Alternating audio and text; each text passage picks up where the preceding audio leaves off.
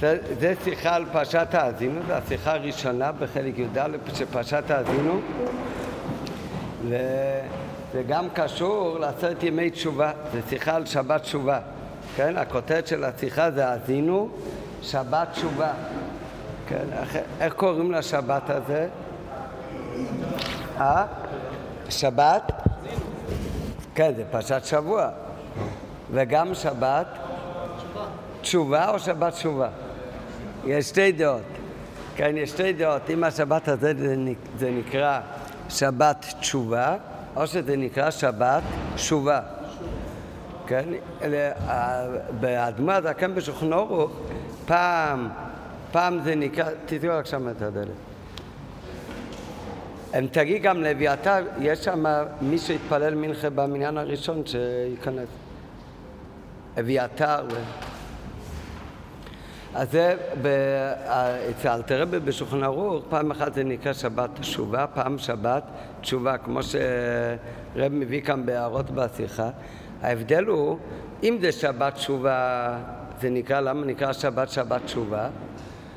כי הוא השבת שבתוך עשרת ימי תשובה. הימים האלה, מראש השנה עד יום כיפור נקראים עשרת ימי תשובה.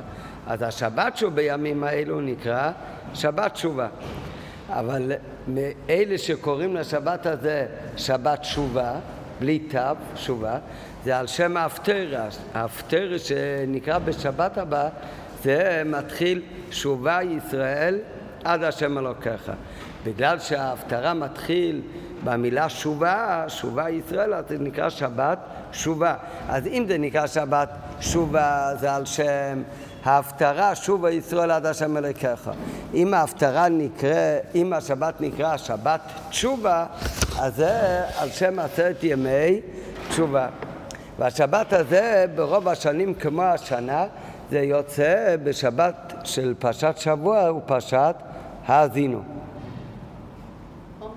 ברוב השנים, כמו השנה הזאת, שבת תשובה זה בפרשת האזינו.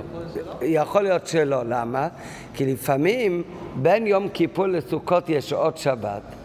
אם בין יום כיפור לסוכות יש שבת, אז האזינו קוראים בין יום כיפור לסוכות. שנה שעברה למשל. אה? קוראים את השבת, את ההפטרה שובה, אבל אז קוראים את זה לא בפרשת האזינו, אלא בפרשת וילך. מה זה קשור? עדיין בעשרת ימי תשובה? כן. תמיד קוראים שוב את השם אלוקיך בשבת לפני יום כיפור, בעשרת ימי תשובה. רק הפרשת שבוע בעשרת ימי תשובה, אז זה או פרשת האזינו כמו השנה, לפעמים על זה פרשת וילך. אבל מה זה נוגע לשובה או תשובה? אה? לא, לא, זה עוד עניין. לא, לא, לא. זה, אמרתי מקודם, בלי קשר. מה בא קודם? זה, מה תקנו קודם קודם את עניין עשרת ימי תשובה? של ההפטרות? כן. סדר ההפטרות זה אחר כך. תקנו את ההפטרה שוב ישראל בגלל שזה עשרת ימי תשובה. כן, נראה בהמשך. אז זה, יוצא השבוע בפרשת האזינו. פרשת, היום אנחנו, אתמול התחלנו בפעם השנייה כבר ללמוד האזינו. כי למדנו שנה שעברה בחיתא, שבוע שעבר בחיתא האזינו, אבל לא קראנו בשבת האזינו כי היה ראש השנה. הרבה בחורים שאלו אותי אם צריך להגיד שניים מיקרו ואיכות תרגום, אז לא צריך. שניים מיקרו ואיכות תרגום צריך להגיד שבוע הבא בערב שבת. למה אתה אמרת? לא. אה, זהו. אז למה היית כזה מופתע שלא צריך להגיד? אה, התכוננת להשלים? אז זהו, אז ביום שישי הבא, בערב שבת תשובה. כי זה ממשיך אותו פרשה פעמיים. אז על הפ... אה? ולמה? מה? זה מחולק לשתי שבועות או שקוראים את אותה פרשה? לא, את הכל עוד הפעם. מכיוון שבראש השנה, ביום, בימים טובים, לא קוראים בתורה את פרשת שבוע. לא קוראים ביום נכון. כן. לא, לא? לומדים בחיטוס אותו דבר, פעמיים מאזינו. דומה, לא? בפסח גם כן קראו פעמיים. אה? פעמיים. למדנו פעמיים. קראנו בשני וחמישי פעמיים. בשבת רק פעם אחת, כי בפסח לא קראו את זה. זה תמיד ביום טוב. זאת הברכה מתי יצא עכשיו? זאת הברכה, קוראים בשמחת תורה. בראשית. אה? מה? וזאת הברכה גם נלמד פעמיים. גם נלמד פעמיים, אה? כן. נלמד, אתה אומר על כאילו, שבמהלך השבוע בחיטה. ב- כן, בחיטס פעמיים לומדים מאזינו, ואנחנו נלמד גם פעמיים את כל אה, וזאת הברכה. עכשיו נתחיל את השיחה בפנים. השיחה זה השיחה הראשונה בחלק י"ד, בפרשת האזינו, תת כותרת זה שבת תשובה. אה, בתת כותרת כתוב שבת תשובה ולא שבת תשובה. בשיחה נראה אחר כך את שתי הדעות. על הפסוק האזינו השמיים ותשמע הארץ, שירת האזינו התחיל משה רבינו, האזינו השמיים ותשמע הארץ. איתה בספרי, למדנו על זה בברייתא בספרי. לפי שהיה משה קרוב לשמיים, לפי כך אמר האזינו השמיים, ולפי שהיה רחוק מן הארץ, לפי כך אמר ותשמע הארץ. הפירוש הפשוט הוא שהאזינו זה מלשון להאזין מקרוב. לשמוע, שומעים גם דברים מרחוק. תאזין למשהו, זה הכוונה תאזין מקרוב. לשמוע, אתה שומע גם מרחוק. אני שומע גם עכשיו את המיניון שני של אה, קריסת ארץ של תענית ציבור, אבל זה מרחוק שומעים. האזינו זה תאזין מקרוב. אז משה רבינו אומר, האזינו השמיים ותשמע הארץ, הוא העיד על שירת האזינו. מי היו העידים? השמיים והארץ, כשהוא מעיד את השמיים והארץ על השירה שהוא הולך להגיד, אז ביחס לשמיים הוא אומר את המילה האזינו מקרוב, וביחס לארץ הוא אומר, תשמע הארץ מרחוק. אז על זה אומרת הברייתא שמשה רבינו היה קרוב לשמיים יותר מלארץ ולכן על השמיים הוא אומר האזינו ועל הארץ הוא אומר ותשמע הארץ. אה? זה בפשוט הכוונה גם ברוחניות. שמשה רבינו היה איש רוחני, אז השמיים זה מרמז גם על כל עניינים רוחניים, זה היה קרוב אליו יותר, והארץ היה בריחוק. זה גם מה צריך להיות אצל כל אחד, אורן. ב...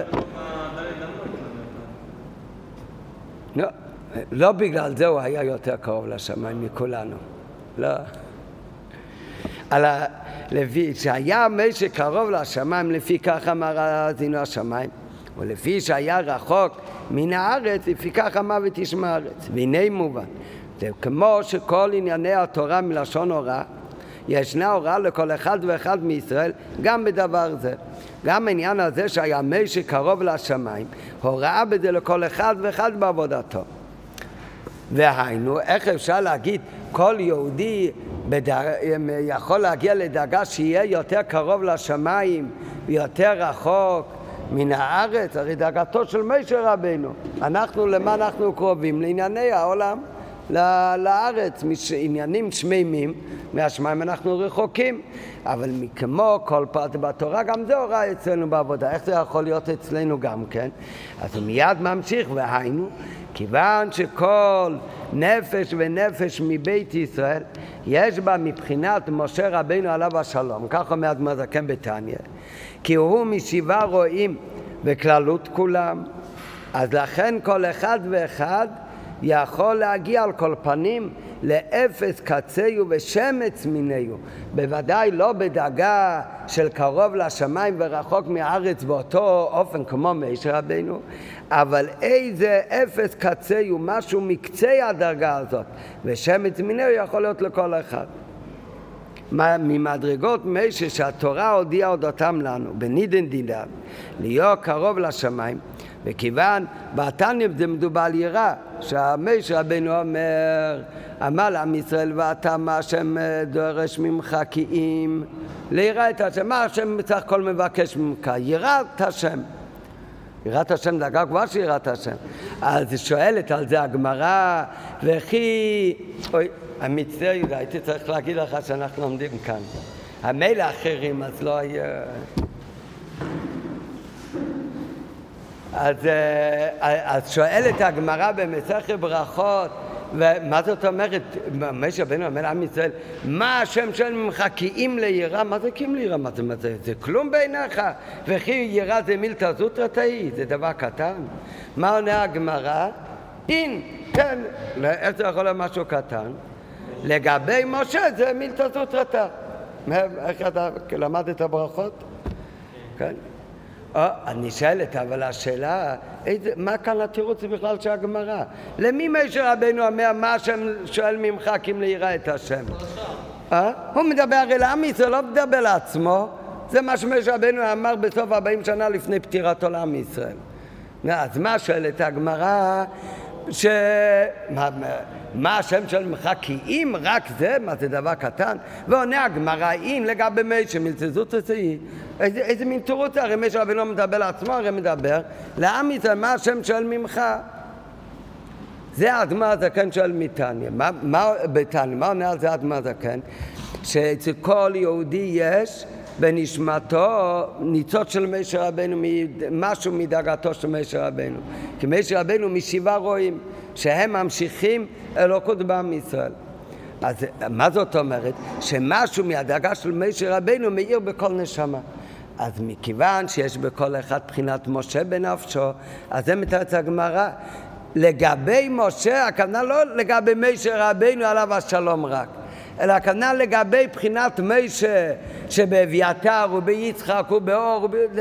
לגבי הדאגה של משה רבנו שבכל אחד ואחד מאיתנו, אז זה באמת דאגה מילצה זוטרתא. אז מה רואים מכאן? כך כתוב בתניא. זה, זה מעניין הדבר הזה בגמרא, שהגמרא שואלת וכי מאיר מילתא סזוטריסי? והגמרא עונה אם לגבי מישה זה לכאורה הרי שאלה שכל אחד אמור מיד לשאול את עצמו בניגלה, איזה מין תירוץ הרי המשה רבנו כאן מדבר לעם ישראל כמו שהרע מיד שאל. אלא באמת בשוטנשטיין הם לא חסידים גדולים לא מביאים שם בהערות בגמרא אין כמעט אף פעם משהו מספרי uh, מספרי חסידות, בטח לא בחב"ד, לא. אבל על הדבר הזה בגמרא, בברכות, הם חיפשו, חיפשו כנראה ולא מצאו שום הסבר.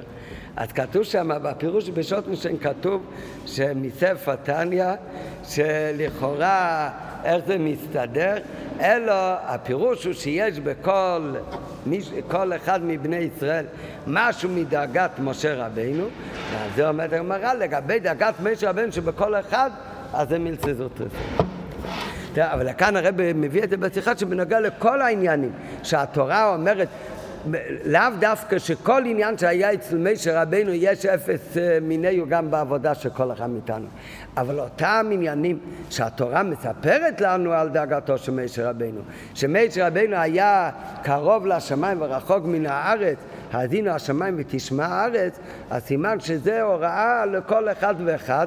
איי, איך יכול להיות אצל כל אחד מה שהיה אצל משה רבנו, זה מבחינת משה רבנו שבקרבו זה יכול להיות אצל כל אחד נתינה כוח לזה.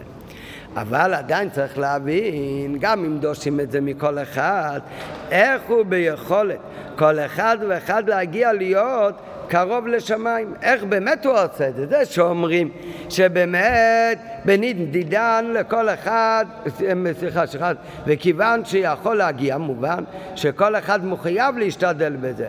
שהרי עבודת האדם צריך להיות כמען דבו למבע. כל אחד צריך לעשות הכל מה שהוא יכול, ומכיוון שאומרים שיש לו מבחינת משה רבנו, אז גם העניין הזה יכול להיות אצלו, על כל פנים במקצת, אז לכן כל אחד צריך לעבוד אצלו את העניין הזה, להיות קרוב לשמיים ורחוק מן הארץ. השאלה זה רק איך יהודי יגיע לזה.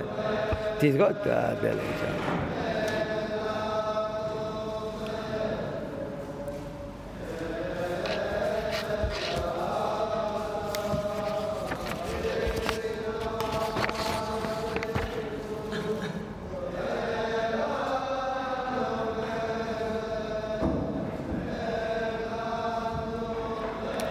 אה, גם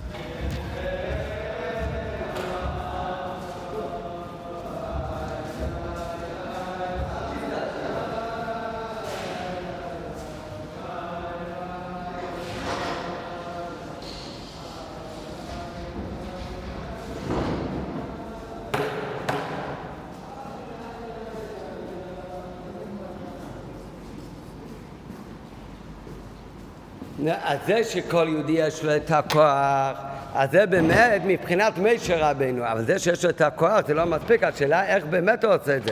וצריך להבין איך הוא ביכולת של כל אחד ואחד להגיע להיות קרוב לשמיים, ולא עוד אלו שמחויב להגיע לזה. גם צריך להבין, דובר כמה פעמים, אשר תוכנה של כל סדר שקוראים בתורה, כל פרשה שקוראים בתורה, שייך גם לזמן שקוראים אותו. ומזה מובן בנדידן, כי הוראה האמורה שעל אדם להיות קרוב לשמיים, שייכת במיוחד לזמן שקוראים בפרשת האזינו. שבכמה וכמה שנים כבשנה הזו, קוראים אותה בעשרת ימי תשובה, שבת תשובה. כמו שאמרנו מקודם, שאם יש עוד שבת, בין, אם יש עוד שבת, בין ראש השנה, בין יום כיפור לסוכות, אז האזינו זה בין יום כיפור לסוכות, ואז שבת תשובה זה בפרשת וילך.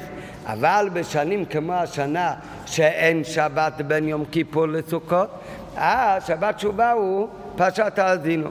שבכמה וכמה שנים כמו השנה הזו קוראים אותה בעשרת ימי תשובה שבת תשובה.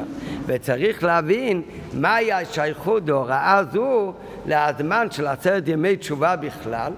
ולא סתם לעשרת ימי תשובה, אלא לשבת תשובה. הרי קוראים בפרשת האזינו בשבת, שבת תשובה.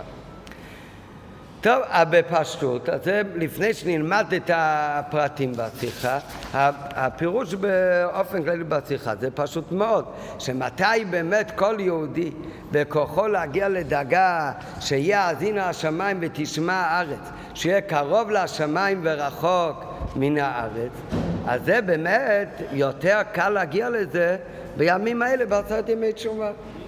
באמת כל השנה אז באמת זה, זה, זה קשה לבן אדם רגיל, אפילו שיש לו מבחינת משה רבנו, להגיע לדאגה שיהיה קרוב לשמיים ורחוק מן הארץ. אבל כשמגיע עשרת ימי תשובה, שקראנו היום בהפטרה, אחרי מנחה ישוע השם בהימצאו בהיותו קרוב. נראה אחר כך שהגמרא אומרת על זה, אחר כך, נראה בהמשך השיחה. הגמרא אומרת על זה, אי מתי הוא קרוב? מתי זה הזמן דירשו השם בהימצאו בהיותו קרוב? אומרת הגמרא, אלו עשרה ימים שבין ראש השנה ליום כיפור זה עשרת ימי תשובה.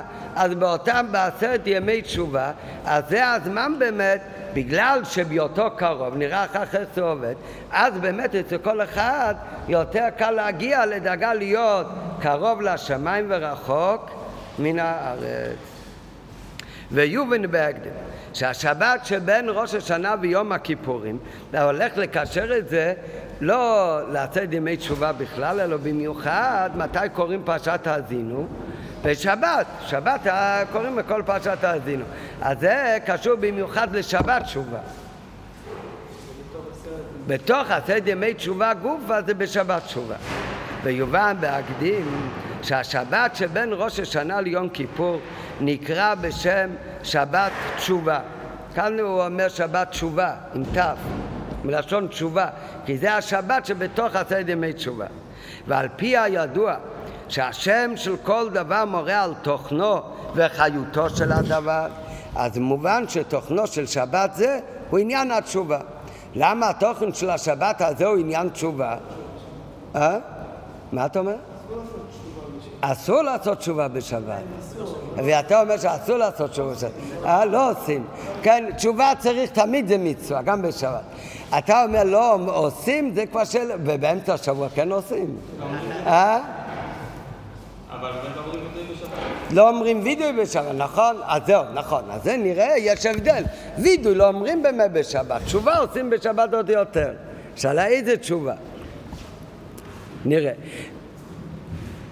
ויובן בהקדים, השבת שבין ראש השנה ליום כיפור נקרא בשם שבת תשובה. על פי הידוע שהשם של כל דבר מורה על התוכן של הדבר, אז מובן שתוכנו של השבת הוא עניין התשובה, לכן זה נקרא שבת תשובה. למה באמת התוכן של השבת הוא עניין התשובה? ואף שבפשטות הוא נקרא כן. למה זה נקרא שבת תשובה? להיותו אחד מעשרת ימי תשובה, לכן הוא נקרא שבת תשובה. אז זה לא מספיק, למה? כי אם ככה, איזה יום היום? שלישי. לשני, סליחה, עוד מעט, שני. ולא קוראים לזה שני שני תשובה. למה? כי זה יום שני שבעשרת ימי תשובה, אף על פי שגם זה קשור לעשרת ימי תשובה, שידוע שעשרת ימי תשובה, שתי ימים הראשונים זה ראש השנה, העשירי זה יום כיפור, אז כמה נשאר בין לבין? שבע, זה תמיד יוצא שבע ימות השבוע. השאלה מתי מתחיל מתי נגמר? כנגד כל שבעת ימי השבוע. כל שבע, למה באמת זה ככה? אז כתוב שיש בעשרת ימי תשובה את כל השבע ימים. יום ראשון שבעשרת ימי תשובה מתקן, זה לתקן את כל ימי ראשון של השנה החולפת. כן? על דרך שחסידים אמרו שמי חי אלו עד ראש השנה זה 12 יום, יום לחודש, יום לחודש. עכשיו השבע ימים בין ראש השנה, בין יום כיפור, הרי בין ראש השנה לכיפור יש שבע ימים רק. אז השבע ימים האלה זה יום כנגד יום של כל שנה חולפת. אז אם השבת הוא נקרא שבת תשובה, והסיבה הפשוטה למה הוא נקרא שבת תשובה, מכיוון שזה השבת שבתוך עשרת ימי תשובה, לכן הוא קשור לעבודת התשובה. נו, אז היום זה יום שני, צריך לקרוא ליום הזה שני לתשובה.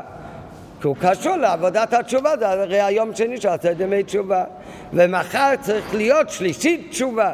אבל אין שני תשובה, אין שלישית תשובה, יש רק שבת תשובה. למה באמת? ואף שבפשוט נקרא כן להיות אחד מעשרת ימי תשובה, אמנם מכיוון שכל ענייני התורה הם בדיוק. הנה מזה שקבעו שמו של היום שבת תשובה מובן כי שייכותו לעניין התשובה הוא לא רק בזה שהוא יום אחד מעשרת ימי תשובה אלא גם מצד עניין השבת שבו להיותו השבת של עשרת ימי תשובה, יש בו מעלה מיוחדת בעניין התשובה, יתרה על שאר הימים שבעשרת ימי תשובה. ובאמת, כמו שאמרנו, השאר ימים של עשרת ימי תשובה לא קוראים להם שני תשובה. ושבת קוראים לה ליום הזה תשובה, ואיך קוראים לו שבת תשובה? אז זאת אומרת, השם של היום הזה הוא לא רק תשובה, אלא גם שבת. והשבת תשובה ביחד, סימן שהעניין התשובה קשור במיוחד, לא רק כי זה אחד מעשרת ימי תשובה, אלא הוא קשור במיוחד ליום, ליום השבת. שעניין התשובה קשור במיוחד לקדושת שבת. יש קשר בין שבת לתשובה עוד יותר משאר הימים שבעשרת ימי תשובה. לכן הוא נקרא שבת תשובה, ולכן דווקא בשבת קוראים לשבת הזה שבת תשובה. אבל האמת, אמרנו מקודם שיש עוד דעה, שהשבת הזה בכלל לא נקרא שבת תשובה, אלא הוא נקרא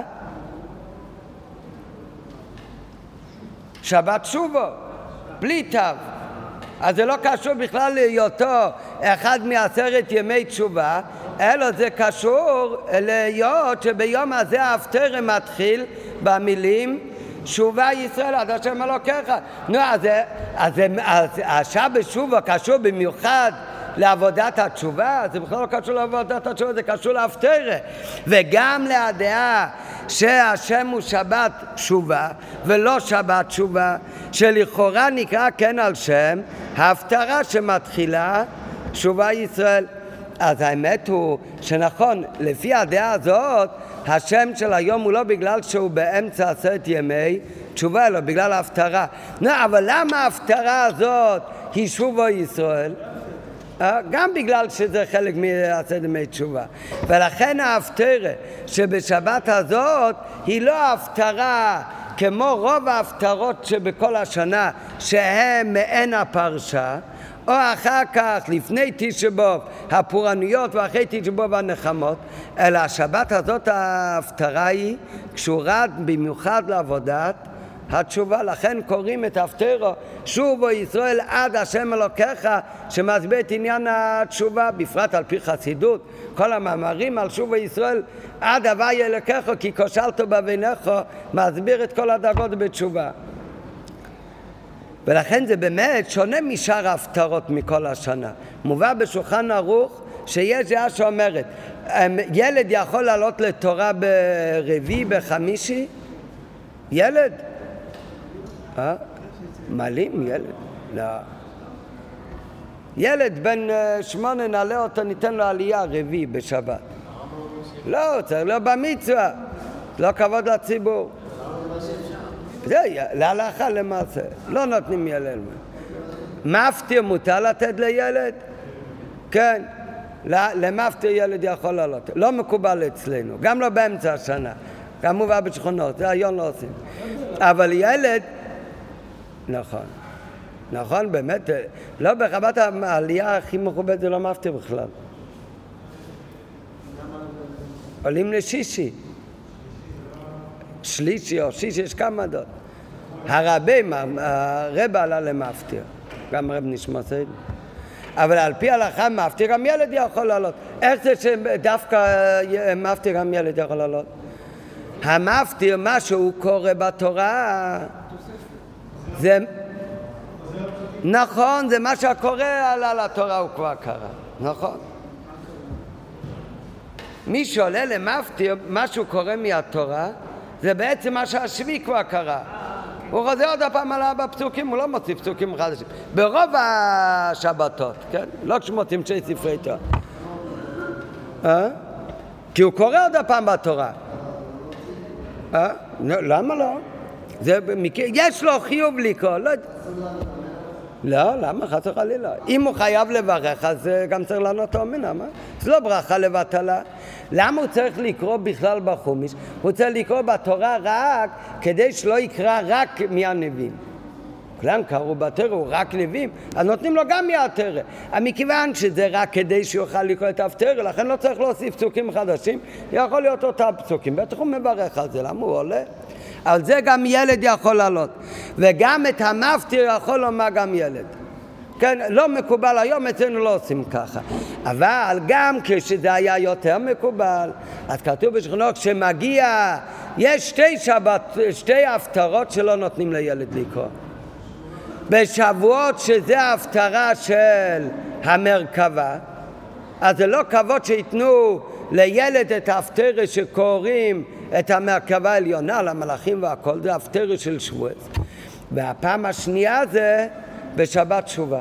שלא נותנים לילד לקרוא את ההפטרה הזאת. למה באמת? כי זה לא הפטרה כמו שאר ההפטרות, אלא זה הפטרה שמבטאת עניין התשובה. נו, אז למה לא לתת לילד? אה?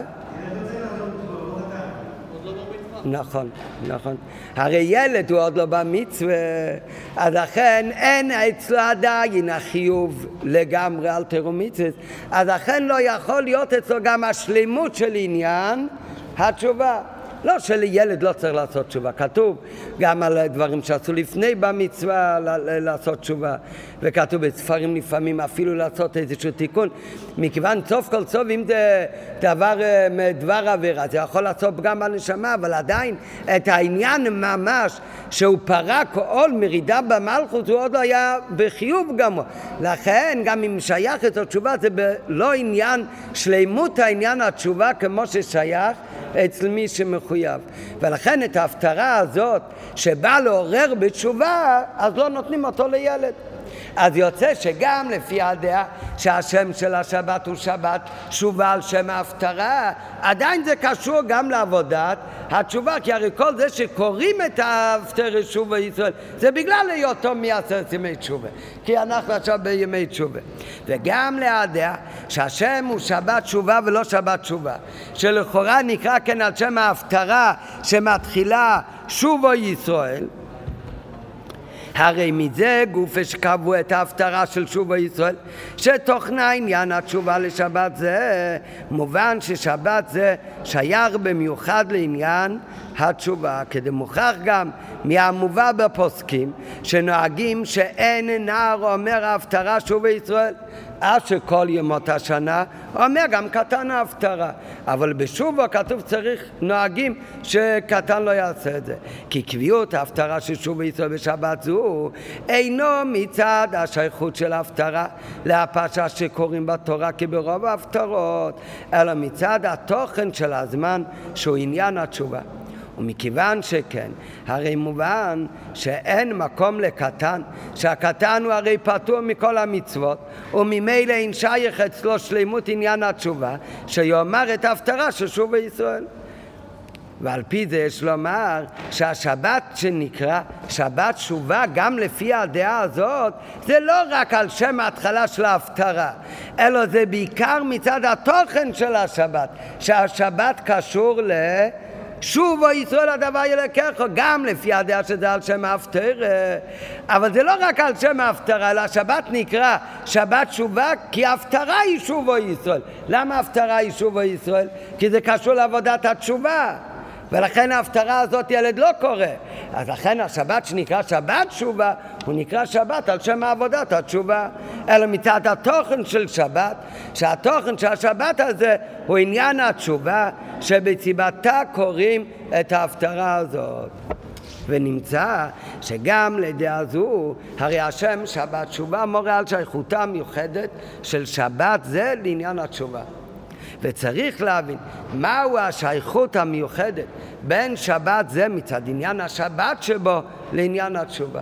זה שהשבת קשור לתשובה כי הוא חלק מעשרת ימי תשובה זה לא עניין מיוחד של שבת שנקרא לשבת בשם שבת תשובה כי זה הרי כל הימים האלה מראש השנה עד יום כיפור הם ימי התשובה מזה שקוראים לשבת שבת תשובה או שבת תשובה, סימן שגם השבת שבו, עניין השבת הוא לא כמו כל השבתות, השבת קשור במיוחד לעניין התשובה, עוד יותר משאר הימים שבעשרת ימי תשובה. והביאו בזה, הביאו בכל זה, למה זה באמת ככה? שלכאורה זה הרי קצת תמוה, כי כמו שאביתר אמר, הרי בשבת בכלל לא אומרים וידוי. דווקא השבת הוא שבת תשובה, שבת קדושת שבת קשורה לעבודת התשובה יותר עוד משאר הימים. אז על זה הרב מסביר בשיחה בהקדם שבאמת צריך להבין מהי התשובה של עשרת ימי תשובה בכלל. התשובה של עשרת ימי תשובה, שני אור, הכל בסדר? התשובה של עשרת ימי תשובה זה לא התשובה הרגילה של כל השנה התשובה של אפילו של חודש אלול. התשובה של עשרת ימי תשובה, אומר אדמו"ר הזקן, זה בעיקר העבודה של תשובה עילאה יותר. זה תשובה שקשורה ליחידה שבנפש.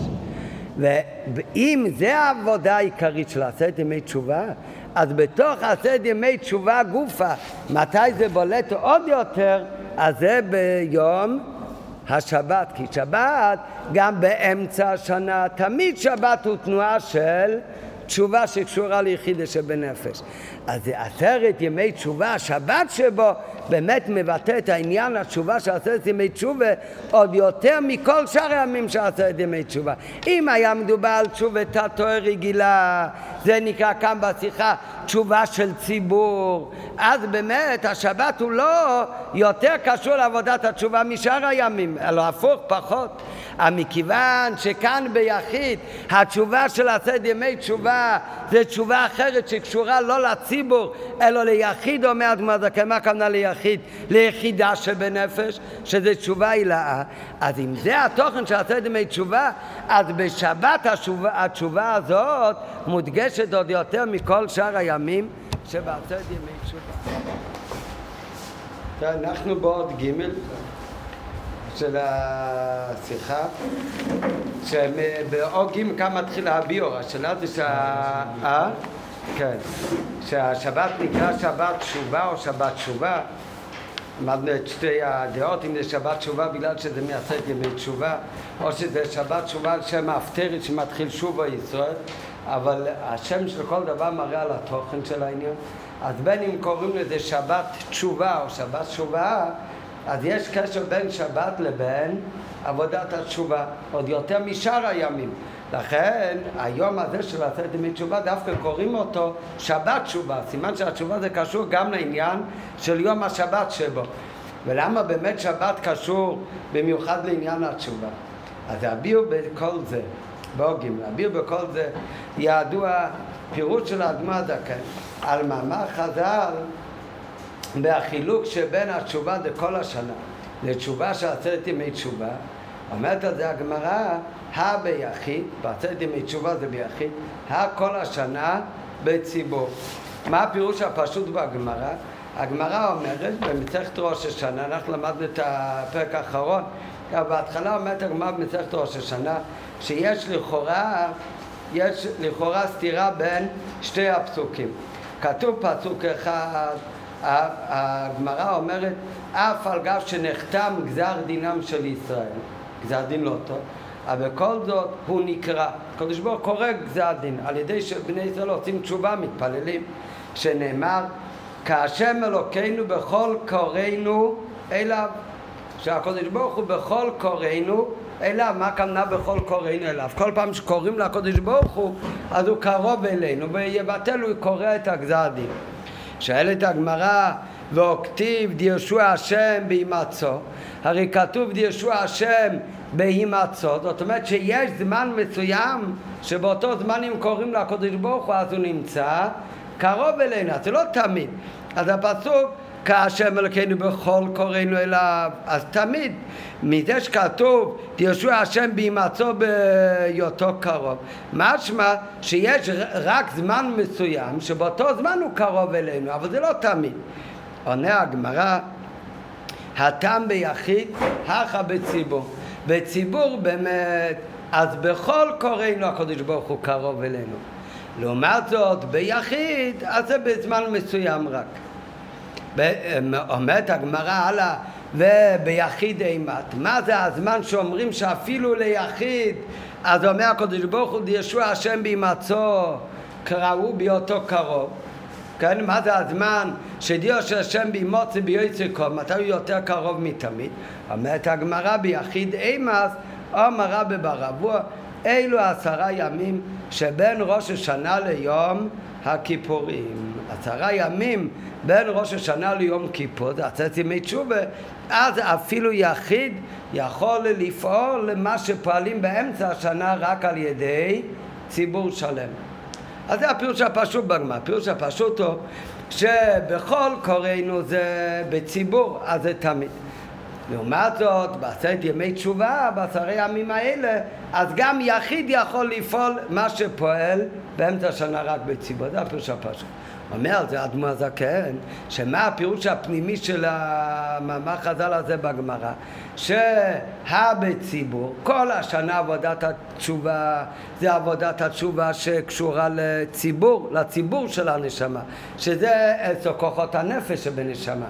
הביחיד, התשובה של עשרת ימי תשובה בין ראש השנה ליום כיפור, אז זו תשובה שהיא לא קשורה לציבור שבנפש, לעשר כוחות הנפש, אלא זו תשובה שקשורה ליחיד, ליחידה שבנפש. נראה בפנים.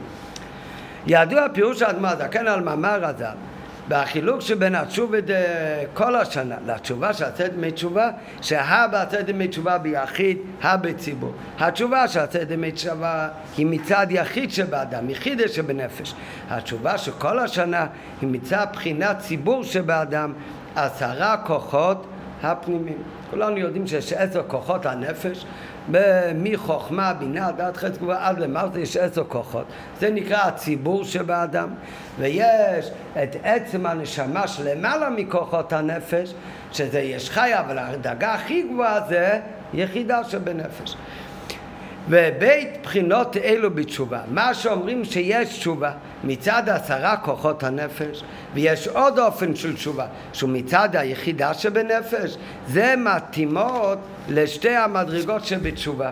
שלמדנו בגלל התשובה גם שיש תשובת הטועה שהתשובה תתה דרגה נמוכה של תשובה זה בעיקר עבודת התשובה שבאה לתקן את הפגמים שעשו על ידי היעדר וחיסרון בתורה ומצוות זה תשובה תתה כפשוטו שעניינה לתקן עוונותיו של האדם ב' יש דרגה גבוהה יותר מבין בתעני מעזה שזה נקרא תשובה הילה שמה זה עניינה של תשובה הילה?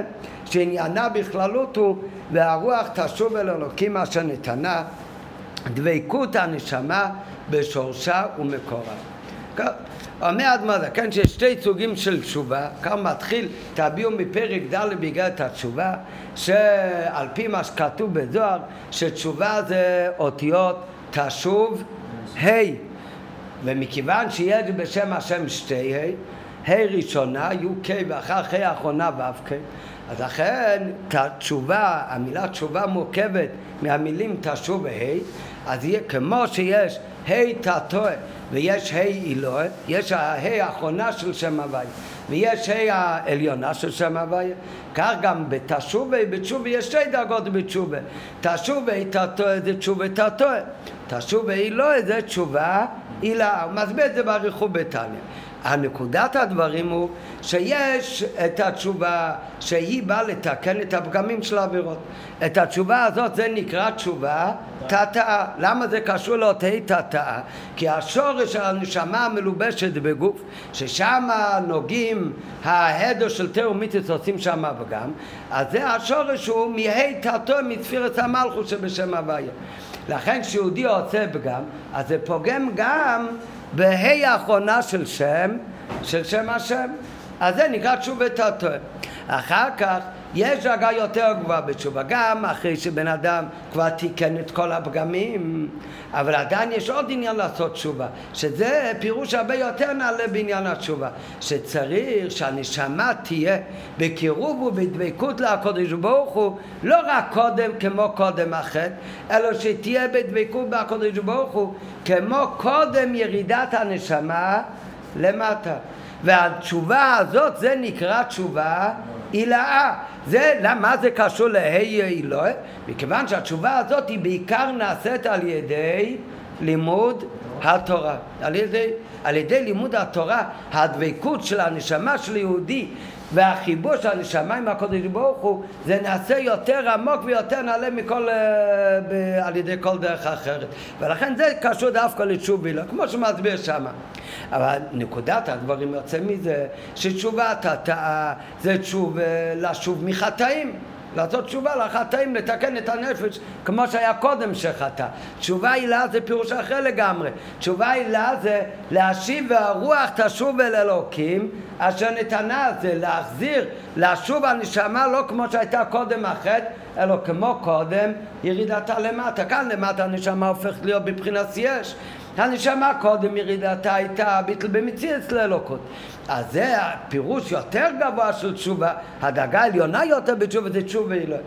ומה זה קשור לבעל תשובה? זה תשובה, התשובה הזאת היא קיימת גם אצל צדיקים, זה אצל כל אחד, בין אם הוא חטא, בין אם הוא לא חטא. תשובה היא לא צריך להיות אצל כל אחד. גם בזה יש מעלה בבר תשובה כפשוטו, אחרי תשובה תתו, אז גם התשובה היא לא, הוא אומר, היא בחילה יתר, אבל תשובה היא לא, זה שייך לכל אחד. לא קשור דווקא לתיקון על הפגמים. יש הרבה הבדלים בין שתי סוגי התשובה. תשובת התואר נעשה בעיקר בקו של מרירות, לתקן את הפגמים, אז נעשה בקו המרירות. תשובה הילאה, לשוב לקודש ברוך הוא והרוח תשוב אלוקים מה שנתנה, אז התשובה הזאת היא בעיקרה מתוך שמחה, זה דבקות בקודש ברוך הוא. תשובה זה קשור למציאות שלו שהוא צריך לתקן. תשובה היא לא, זה קשור לביטול של המציאות שלו.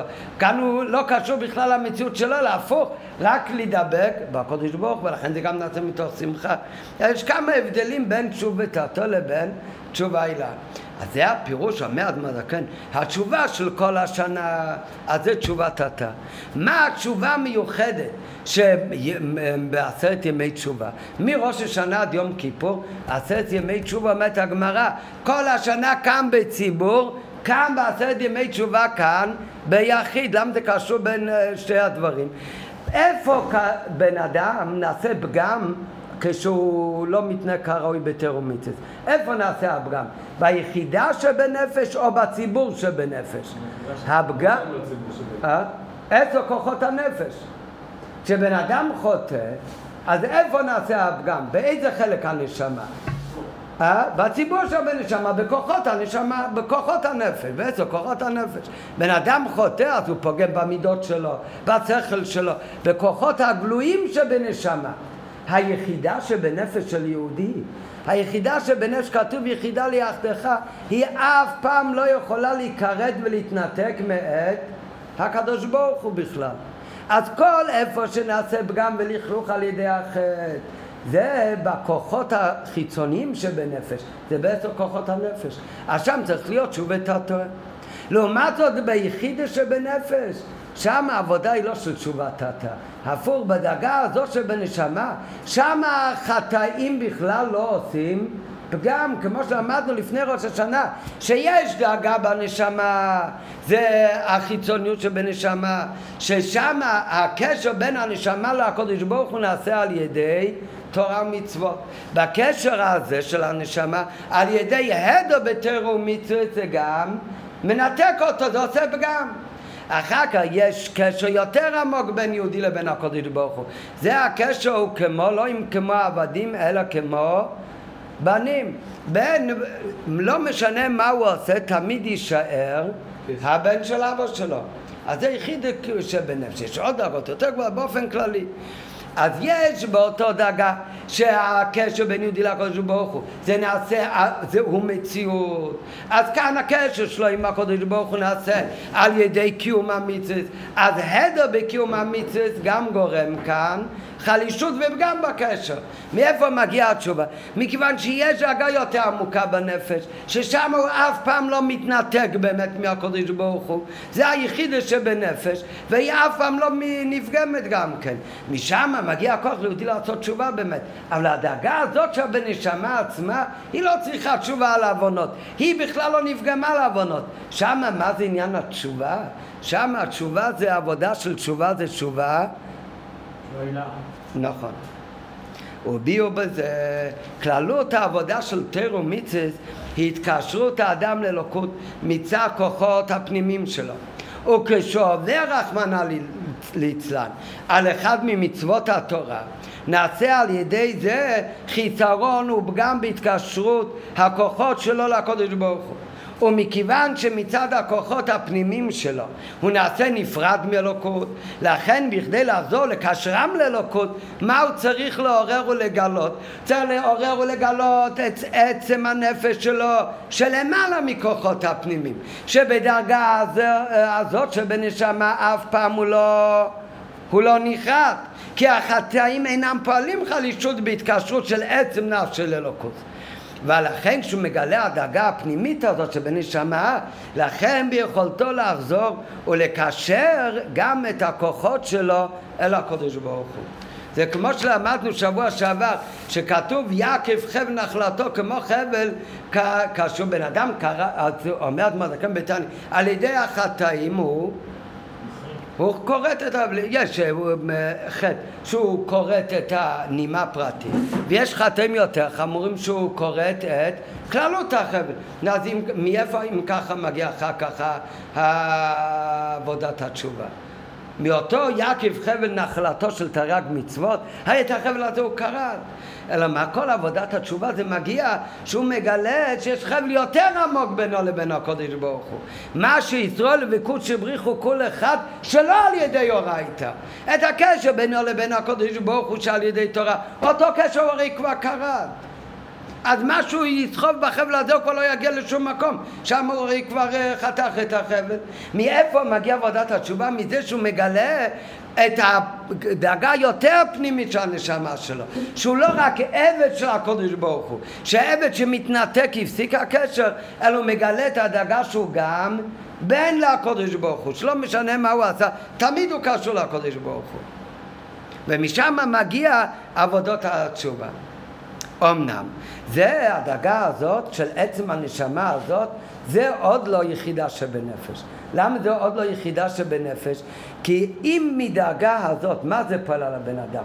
עבודה של תשובה, אז סוף כל סוף סימן שגם בדאגה הזאת שבנשמה, נכון שהוא לא נחרט, אבל עדיין גם בדאגה הזאת של הנשמה נעשה איזשהו חלישות ואיזשהו פגם. עובדה שגם מדאגה כזאת, מה זה גורם לו? לחזור תשובה ולהתחרט, וכואב בדאגה הזאת של הנשמה, זה שהוא יתרחק. יש יחיד שבנפש, הדאגה הזאת שבנשמה, לא רק שהוא אף פעם לא נחרט מהקודש ברוך הוא, בדאגה הזאת של הנשמה גם אף פעם לא נעשה עניין של חלישות. הדאגה הזאת שבנשמה היא גם לא צריכה לעשות תשובה.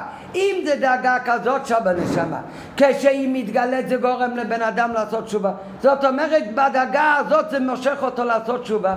שמה באמת הפגמים לא ניתקו אותו מהקודש ברוך הוא, אבל גם שם הפגמים ריחקו אותו מהקודש ברוך הוא. ולכן מה גורם כשהדאגה הזאת של בנשמה מתעוררת? זה גורם לבן אדם לבכות על החטאים שלו ולרצות לחזור בתשובה. זאת אומרת שגם בדאגה הזאת, על אף שזה למעלה מהקשר לקודש ברוך הוא על ידי תורה ומצוות, אבל עדיין גם שמה העבודה של תורה ומצוות תופסים מקום, ולכן כשזה מתעורר הוא צריך לחזור בתשובה. איך זה נקרא בחסידות? שיש רצון של הקודש ברוך הוא לתורה ומצוות, וכשיהודי שומר תורה ומצוות, הוא מתחבר לדאגת הרצון של הקודש ברוך זה העבד. אחר כך יש יהודי עושה תשובה, לאיפה זה מגיע? לא לרצון העליון, אלא זה מגיע, איך כתוב בחסידות? לבעל הרצון. הבעל הרצון, אז הוא גם יכול לכפר על זה מי שעבר נגד הרצון. אבל זה גופה שקוראים לו בעל הרצון, הסימן שהוא למעלה מהרצון, אבל בעל הבית על הרצון. שגם שם יש נתינת מקום לרצון של תירו מצווה. אחר כך יש קשר של הקדוש ברוך הוא לבין בני ישראל עוד יותר עמוק, שהוא לא רק למעלה מרצון, הוא גם למעלה מלהיות בעל הרצון. כשאתה קורא לדאגה בעל הרצון, אז זה מראה לך שתי דברים. מצד אחד הדאגה הזאת היא למעלה מהרצון של תירו מצוות, מצד שני זה למעלה מהדאגה של רצון לתורה מצוות, אבל יש לה שייכות לעבודה של תורה מצוות. לכן מתארים אותו בלשון בעל הרצון. בדיוק כמו אצל היהודי, יש דאגה בנפש, ששם הוא מתחבר לרצון העליון. יש דאגה יותר עמוקה בנפש, שזה התנועה של תשובה, ששם הוא מתחבר לא לרצון העליון, אלא לבעל הרצון.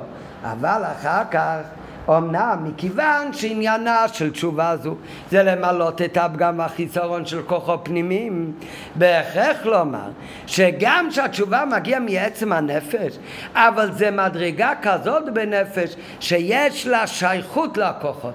זה באמת דאגה בנפש למעלה מהכוחות, לכן היא לא נפגמה. אבל זה כזה דאגה שיש לה שייכות לכוחות. והחיסרון בהם על ידי עוונות אפילו שזה לא פוגם וכורת את הדאגה הזאת של הנשמה, אבל זה תופס מקום אצלה את הדאגה הזאת שבנשמה. זאת אומרת שהתשובה הזו, אף שגם היא באה מצד עצם הנפש שלמעלה מכוחות הפנימיים, אבל היא מדרגה כזאת בנפש שכבר נמשכה להיות בחינת שורש ומקור לכוחות הנפש, ולא עצם הנפש ממש שלמעלה לגמרי מכוחות הנפש. לעומת זאת, בחינה יחידה שבנפש זה עצם הנפש שלמעלה מלהיות גם שורש ומקור אל הכוחות. היא למעלה לגמרי מניין החטאים. בדאגה הזאת שבנפש זה לא משנה, הוא חטא, לא חטא. בדאגה הזאת שבנשמה היהודי, לא רק הוא אף פעם לא נחרט מהקודש ברוך הוא, בדאגה הזאת שבנשמה העוונות שלו בכלל לא תופסים מקום, זה לא נחשב לריחוק בכלל. והתשובה מבחינת זו, אז בדאגה הזאת שבנשמה, יחידה שבנפש, אצלה לא שייך תשובה על חטאים. כי אצלה בכלל אין מושג של חטאים, נראה עוד רגע. אז מהי התשובה בדאגה הזאת שבנשמה?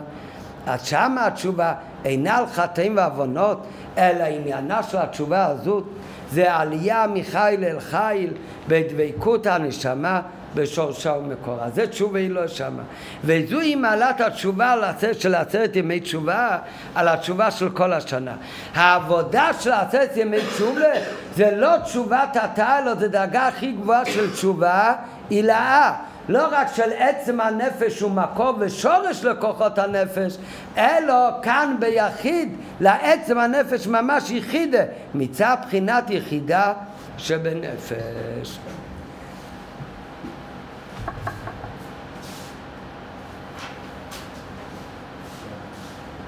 כן, אגב, להבין את זה קצת אה, יותר, אה, מגיע עכשיו יום כיפר, אז כולנו יודעים שביום כיפר כתוב שיום כיפור זה עיצומו של יום מכפר. עצם יום הכיפור יש מכפר. יש מחלוקת בין רבי לרבנן אם צריך לעשות תשובה בשביל זה, או יש דעה שאומרת שעיצומו של יום כיפור מכפר אפילו שלא על ידי תשובה. נשאלת השאלה, מה זאת אומרת שעצם היום מכפר גם גם בלי לעשות תשובה. מה זאת אומרת? כן, היום הוא מכפר, מה זה הוקוס פוקוס? כן, אין כזה דבר. מה זה תשובה?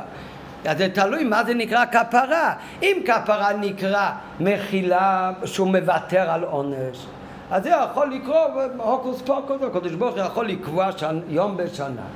מאיזה יום הוא קבע יום כיפור, שזה היה פעם ראשונה שהוא מחל, שהקדוש, שמשה רבנו ירד. זה פעם ראשונה שמשה רבנו ירד עם לוחות השניות הוא מחל לגמרי על חטא, על חטא העגל. אז מאותו יום והלאה, הקודש ברוך קבע כל שנה מגיע יום כיפר, אני מוותר על כל החטאים. זה נקרא ויתור, זה לא, זה לא כפרה. כפרה אנחנו יודעים, כתוב, אל תראה, אומר בפרק ראשון בתניא, פירוש ראשון מה זה כפרה? מלשון קינוח. לנקות את הנפש. זה לא שלא מענישים אותך, זה שלא מזכירים לו דבר וחצי דבר ביום הדין, זה תוצאה, זה תוצאה מהכפרה.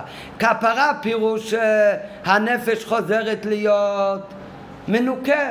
ברגע, הרי כל העונשים בתורה זה לא נקמה, זה, זה, זה, לנקות את הנפש.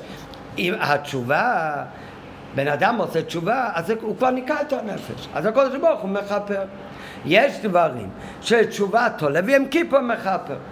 כן, זה לחכות שיהיה כ... מה הפירוש של כפרה? אומר אדמדה, כן, כפרה זה מלשון קינוח לנקות את לכלוך החטא בנפש. הנפש חוזר להיות נקי. זה לא שלא מענישים אותו, זה תוצאה. אם הנפש כבר נקי, הוא נהיה מתוקן, אז כבר לא צריך גם כן להעניש אותו. אבל הפירוש של כפרה, לכפר זה מלשון קינוח של לכלוך אחר. אחר בפרק שני באגרת התשובה מביא אדמה זקן פירוש נוסף יותר נעלה בכפרה, לכפר לפניו להיות לרצון כמו לפני שהוא חטא. להיות חביב ומרוצה לפניו.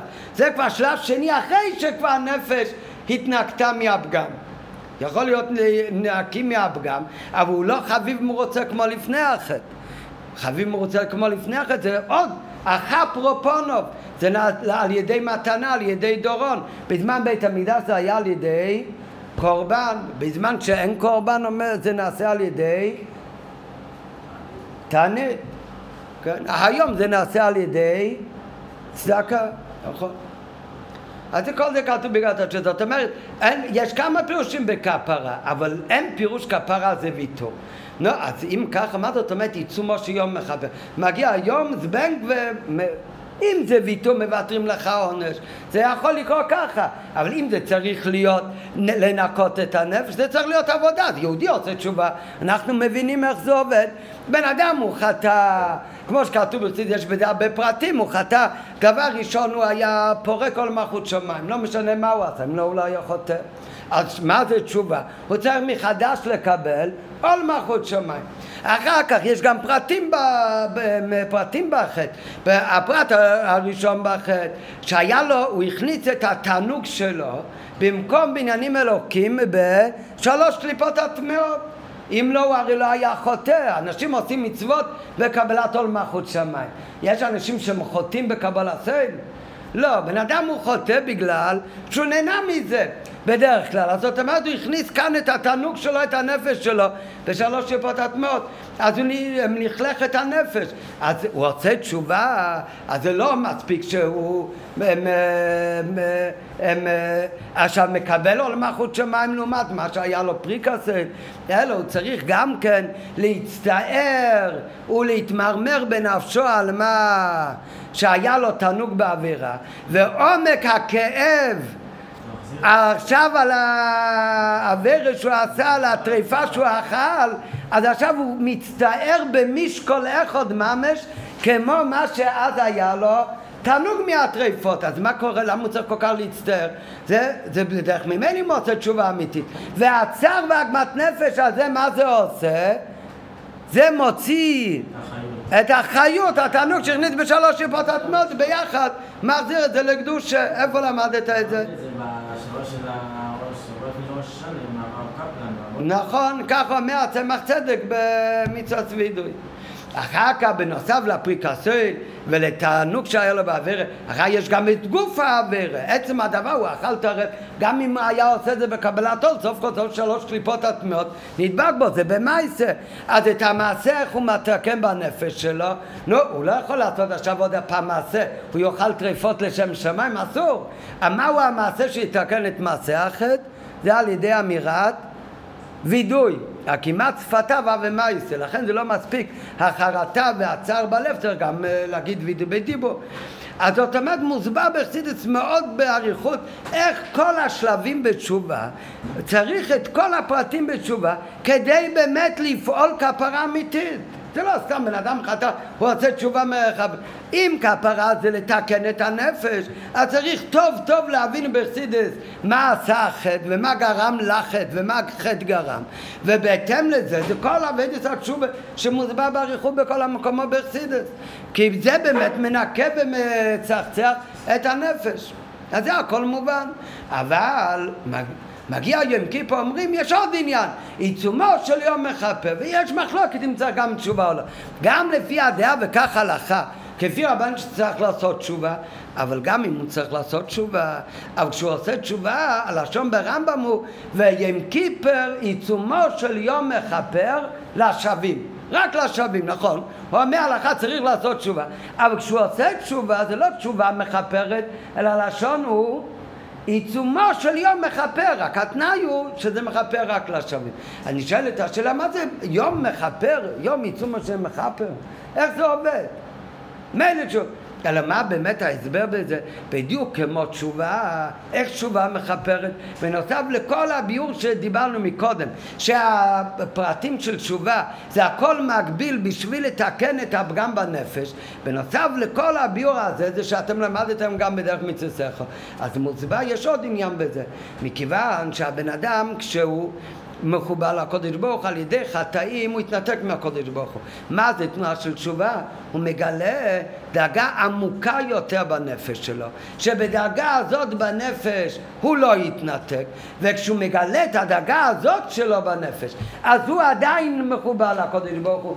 זה גורם לבן אדם לעשות תשובה, מכיוון שבדאגה הזאת הפגמים לא ניתקו אותם מהקודש ברוך הוא. כשהוא מגלה את הדאגה הזאת שבנפש, אז זה יכול לתקן ולחבר ולקשור מחדש גם את הדאגה הנמוכה של כוחות הנפש איפה שנעשה פגם. ככה עובד התשובה, זה הפנימיות איך התשובה עובדת. זה גם אצל הבן אדם, אותו דבר זה גם למעלה. כתוב שיהודי חוטא זה עושה פגם כמו שאנחנו אומרים בקיש משלמיתו, מה שבגם תיבות י', באות ה', באות ו', באות האחרונה של שם הוויה. אה? לא, כשיש לך זמן.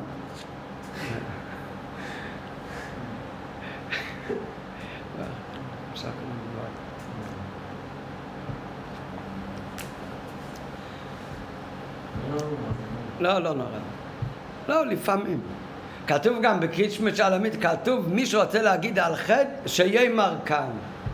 נו, הסימן שיש כאלה שאומרים גם לפעמים על חטא. נו, מתי? אולי בעצרת ימי תשוב, ולא לא ראיתי באף מקום כתוב מתי. כנראה כל אחד לפי ההרגש שלו, אולי, אולי בעצרת ימי תשוב הוא יתעורר כל כך, הוא כבר לא רוצה לחכות עד ערב יום כיפור להגיד על חטא, אז היום בלילה בקריצ'מץ' עלמית הוא כבר יגיד. זה מותר. אז צריך לדעת ש... שהתשובה צריך להיות בעיקר העשה טוב, התשובה היא לא כמו שלומדים כאן. טוב, נמשיך בביור. אז, אז איך עובד התשובה? זה כמו כאן למטה, אותו דבר זה כביכול למעלה. אנחנו בקרישמה כתוב מה שפגמתי באות י' באות ה', כתוב על זה מה ההסבר, זה שיהודי חוטא, רוצה פגם בנפש שלו. יש דברים שעושים פגם במעשה שלו, במידס שלו, שזה הוו שבנפש שלו, במכין שלו. אז זה ביוקי שבנפש שלו. מכיוון שהנשמה שיהודי משלשל מ... מלמעלה עד רום המעלות שבארבע אותיות של שם הוויה. אז יוצא שיהודי עושה פגם כאן למטה, אז הוא עושה פגם גם, גם למעלה. כמו שאומר אלתר ביתני, כמו בחבל שהוא מנענע למטה, זה פועל גם בקצה העליון למעלה. כן, קצת מוזר, כי אם הוא אומר שהוא חותך את זה על ידי שהוא חותך, אם זה נחתך, אז זה כבר לא מנענע למעלה. החיתוך עושה את הנענוע. חיתוך זה... אה. זה שאלה, זה הרי בפעם שאל. ביאור עמוק, עמוק עמוק, שיש שתי דרגות ביעקב חבל נחלתו. דרגה אחת שבאמת נחרט, ואז הוא כבר לא עושה כלום למעלה. אחרי שנחרט נגמר. ויש עוד דרגה בחבל שהוא באמת לא נחרט והוא כל הזמן ממשיך. אבל מה, מה שמה? גם שיהודי עושה בכוחות הפנימיים שלו. הוא יכול, כאילו המוחים שלו פחות יכולים להבין אלוקות, המידות שלו פחות מתחברות. זהו, עשה עבירה, זה פגם בנפש שלו, מה זה הנפש שלו? זה אלוקות. מה עבירה? זה שלוש קליפות הטמעות, אז זה ניתק אותו, לכלך אותו. מכיוון שהוא משלשל מלמעלה, הכל זה צדק שלשות, אז זה פוגם גם למעלה. כשיהודי עושה תשובה, מה, מה, מה, מה קורה שעושה תשובה? כמו שלמדנו במשל של הבעל שם טוב לפני ראש השנה, הוא צועק מעומק הנפש, אבא אבא. ואז זה למעלה מהקשר שעל ידי מעשים. זה קשר פנימי הרבה יותר מזה. מה זה גורם לאבא גם כן? לעורר אצלו את הקשר העמוק בינו לבין הבן שלו. אותו זה מה שכתוב, לפני הוויה תתארו. כן? כדי שיהיה כפרה צריך להגיע לדאגה של למעלה מארבע אותיות של שם הוואי. כשיהודי מגיע לדאגה יותר עמוקה בנפש שלו. אז זה כביכול מעורר גם למעלה דאגה שהיא יותר עמוקה מכוחות הגילויים של אלוקות כביכול. זה הפנימי של אלוקות, ומשם נמשך כפרה גם על כל אה, הדאגות ששם כן עשה את הפגם. אז זה עניין של תשובה. אחר כך אומרים, אבל יש דרגה עוד יותר גבוהה. יש דרגה כזאת, אם אתה צריך לעשות תשובה, זה גופה שאתה צריך לעשות תשובה. ושמתגלה הקשר הזה, במה הוא מתגלה? הוא מתגלה בתנועה של מרירות על ריחוקו מאת השם. הסימן שגם בדרגה הזאת שבנפש, אפילו שזה לא קראת אותו, אבל גם בדרגה כזאת היה איזשהו נתינת מקום לעניין של עבירות. וכמו למעלה במה כתוב, שכתוב בתן יש ארבע אותיות של שם הוויה ויש קוצו של יוד שמרמז על רצון העליון. אחר כך יש מה שנקרא בעל הרצון, שמשם נמשך הכפרה. בסדר, אבל זה גופה שאומרים שהוא נקרא בעל הרצון, אז זה סימן שזה למעלה מזה, אבל עדיין יש לו שייכות לדרגות האלה. אחר כך יש דרגה עוד יותר גבוהה, יש דרגה של יחידה שבנפש. כתוב, הדרגה של יחידה שבנפש היא אף פעם, לא רק שהיא לא נפגמה ולא נחתה מהשורש שלה, יחידה שבנפש היא אף פעם גם לא התרחקה את הקודש ברוך הוא. היא תמיד מאוחדת, לא שייך לה בכלל ריחוק. כשזה מתגלה, אז בדרך ממילא זה מתקן את כל את כל אה, שאר המדוק. אז בדרך ממילא מתגלים כל הפגמים. כי בדאגה הזאת מתגלה שאף פעם בכלל לא היה, לא היה אף פעם לא ניתוק ולא ריחוק, זה הכל רק בחיצוניות. בפנימיות הכל תמיד היה אה, מחובר לקודש ברוך הוא. מה הכוונה ביום כיפור עיצומו של יהיה מכפר? הכוונה שביום כיפור מה מתגלה? יחידה שבנפש. ולכן באמת עיצומו של יום מכפר, שמגלה הדאגה הזאת שבנשמה, אז בדרך ממילא נעשה כפרה, נעשה באמת תיקון לכל הדאגות שלה בנשמה. והתיקון נעשה גם בלי תשובה. כן, מצד יחידה שבנפש, לא צריך אפילו תשובה. הלכה היא אבל למי מתקה מכפר עיצומו של יום? זה מכפר רק לשווים. למה? כי הרי צריך שהבן אדם יהיה כלי לדאגה הזאת של עיצומו של יום שיחידי שבנפש. כדי שהכפרה תחדור בתוך הכוחות הפנימיים ממש. כדי שהיא תחדור בכוחות הפנימיים גם מצד הציור שלהם, כתוב בחסידס, לכן צריך באמת שהוא יהיה כלי לזה, התשובה כדי um, שעיצומו של יום תכפר. אבל הכפרה כאן היא הרבה יותר נעלית מכפרה שעל ידי תשובה. טוב, השלוש דרגות האלה, זה לא מוסבר כאן בשיחה, זה במקומות אחרים מוסבר יותר באריכות, אבל כאן הוא מביא את זה רק בקיצור, כדי להגיד שיש תשובה שקשורה לציבור שבנפש. הפגם נעשה בציבור שבנפש, זה בכוחות הפנימיים. כדי שזה יהיה מתוקן זה נעשה על ידי עבודת התשובה, שזה מגיע מעצם הנפש, אבל זה עצם הנפש איך שיש לה שייכות לכוחות הנפש. אחר כך יש את היחידה שבנפש, שלגמרי גבוהה יותר מכל כוחות הנפש. לגבי הדרגה הזאת שבנשמה, היריד... שום דבר לא פועל בה שום חלישות. שזה מתגלה, אז בדרך ממילא נעשה חיבור לקדוש ברוך הוא גם בשאר כל הדרגות שבנשמה. אם ככה לגבי יחידה שבנפש היא צריכה לעשות תשובה? ביחידה שבנפש אמרנו החטאים הרי בכלל לא עושים לא פגם ואפילו לא תופסים מקום שם היא תמיד נשארת בעוצמתה אז מה זה עניין של תשובה בדרגה הזאת? אז שם התשובה זה רק והרוח תשוב אלוקים אשר נתנה, שם תשוב בפירוש אחר לגמרי, זה תשוב ואלוהי, זה רק דבקות בקודש ברוך הוא, זה הדאגה של תשובה הילאה. רק לפני שנמשיך הלאה בשיחה, אם ככה בן אדם יגיד, מה כל כך חשוב כל הקיום תירו? הרי מה זה כוחות הגלויים שבנפש, זה עושה פגם, לא עושה פגם. הרי יש דאגה יותר עמוקה בנפש שאנחנו כמו בנים לקודש ברוך הוא. גם הבן יכול להיות בן לא טוב, אבל הוא תמיד הרי נשאר בן. שמשם נמשך עניין התשובה, הוא הרי באמת תמיד נשאר קשור. כן, אולי התרחק, אבל נשאר קשור. אחר כך, לא רק זה, בעצם גם זה לא כל כך משנה. יש הרי, מה העצם של הנפש שלנו? זה הכל חיצוניות. אפילו העצם הנפש הזה הוא גם לא הדאגה הכי הפנימית בנפש שמה.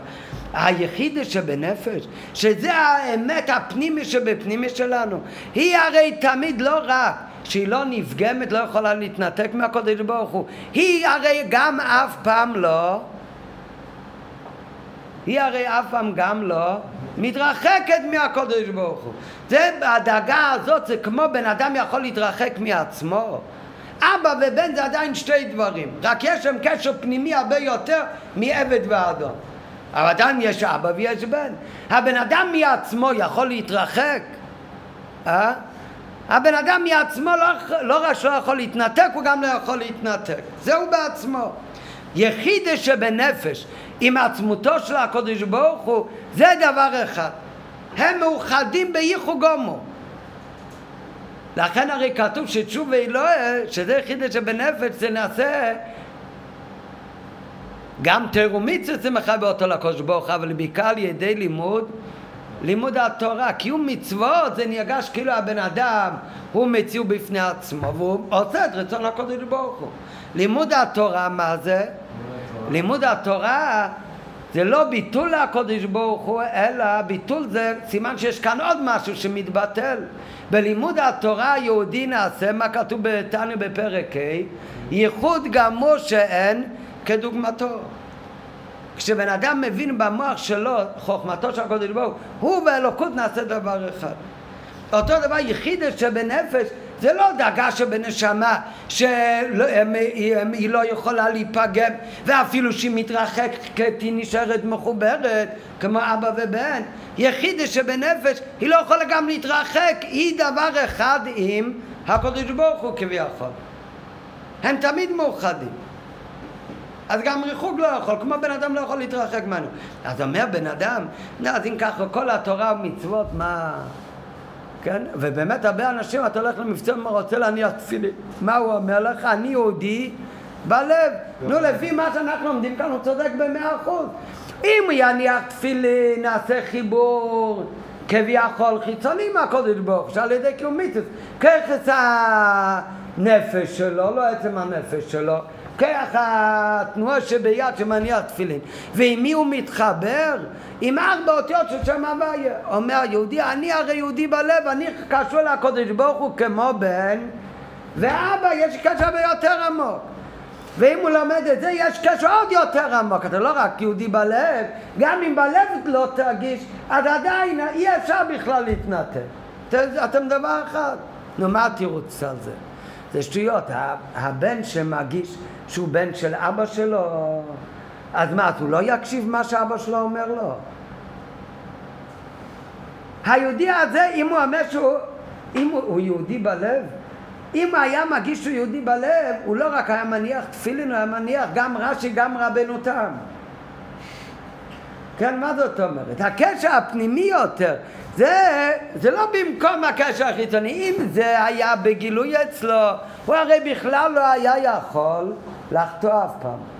כל זה שבן אדם מסוגל בכלל להיכשל בעבירה, כי הוא לא יגיש את הקשר הפנימי יותר. אם היה מגיש את הקשר הפנימי עם הקודש ברוך הוא הרי לא היה רוצה בכלל לחטוא. בוודאי ובוודאי שהוא לא ירגיש את הקשר של יחידה שבנפש שלו. יחידה שבנפש היא לא רוצה ולא יכולה להיות נפרדת מהקודש ברוך הוא. אז איך הוא נכשל באיסור? הוא נכשל רק בגלל שהוא לא מגיש את הדרגות האלה שבנשמה. זה לא חס וחלילה שמישהו יחשוב, טוב, אם יש קשר פנימי ועצמי עם הקודש ברוך הוא, אז מה נוגע הקשר חיצוני? חס וחלילה זה הפוך. מצד הקשר הפנימי, אז בדרך ממילא לא יכול בכלל להיות עניין של חטא. כל זה שיכול להיות עניין של חטא, חטא זה לעשות נגד רצון של הקודש ברוך הוא. זה נגד רצון הפנימי והעצמי של הקודש ברוך הוא, זה נגד עצמוס. הוא מורד במלך מלכי המלוכים. זה שיכול להיכשל בחטא זה רק בגלל שלא נרגש אצלו הקשר האמיתי עם הקודש ברוך הוא. אם היה נרגש, הרי מה אומרים? כשנרגש הקשר הפנימי שאב ובן, אז כשהוא נזכר על החטאים שלו, הוא מיד פורץ בבכי מעומק הלב על מרירות על זה שהוא התרחק. גם מצד יחיד שזה מאיר, אז מה זאת אומרת? אז אפשר להיות מנותק מהקודש ברוך חס וחלילה. כשזה מתגלה, בדרך ממילא נעשה חיבור עם הקודש ברוך הוא. ואז מה יקרה? אז הוא פחות יעשה תיאום מצווה, חס וחלילה, הפוך. אז הוא יעשה הרבה יותר ממה שחייבים. בן אדם שהוא מרגיש כמו עבד, רק הקשר החיצוני מהקודש ברוך הוא. אז אם כמה הוא מקפיד בתורה ומצוות, הוא מקפיד כמה שהוא כמה שהוא חייב. בן אדם שהוא מרגיש באמת את הקשר היותר פנימי בינו לבין הקודש ברוך הוא שהוא קשור גם לבעל הרצון שהקודש ברוך הוא זה לא רק מלכנו אלא הוא גם אבינו האבא שלו אז הוא לא רק יעשה קיום מצווה כמה שצריך הפוך, מדאגה הזאת נעשה עניין התשובה וזה גורם לו לעבוד את השם אחר כך בחיל יתי עוד יותר הרבה יותר ממה שהוא מחויב כל שכן בקל וחומר, יהודי שנרגש אצלו החיבור שביחידה שבנפש. מה זה יחידה שבנפש? שהוא בכלל לא דבר בפני עצמו, הוא דבר אחד עם הקודש ברוך הוא כביכול. כזה בן אדם אם זה נרגש אצלו. זה לא רק שהוא בפועל לא יחטא אף פעם, אלא כזה בן אדם הוא בכלל לא יכול להיכשל בחטא. זה מופרך שיחטא בכלל.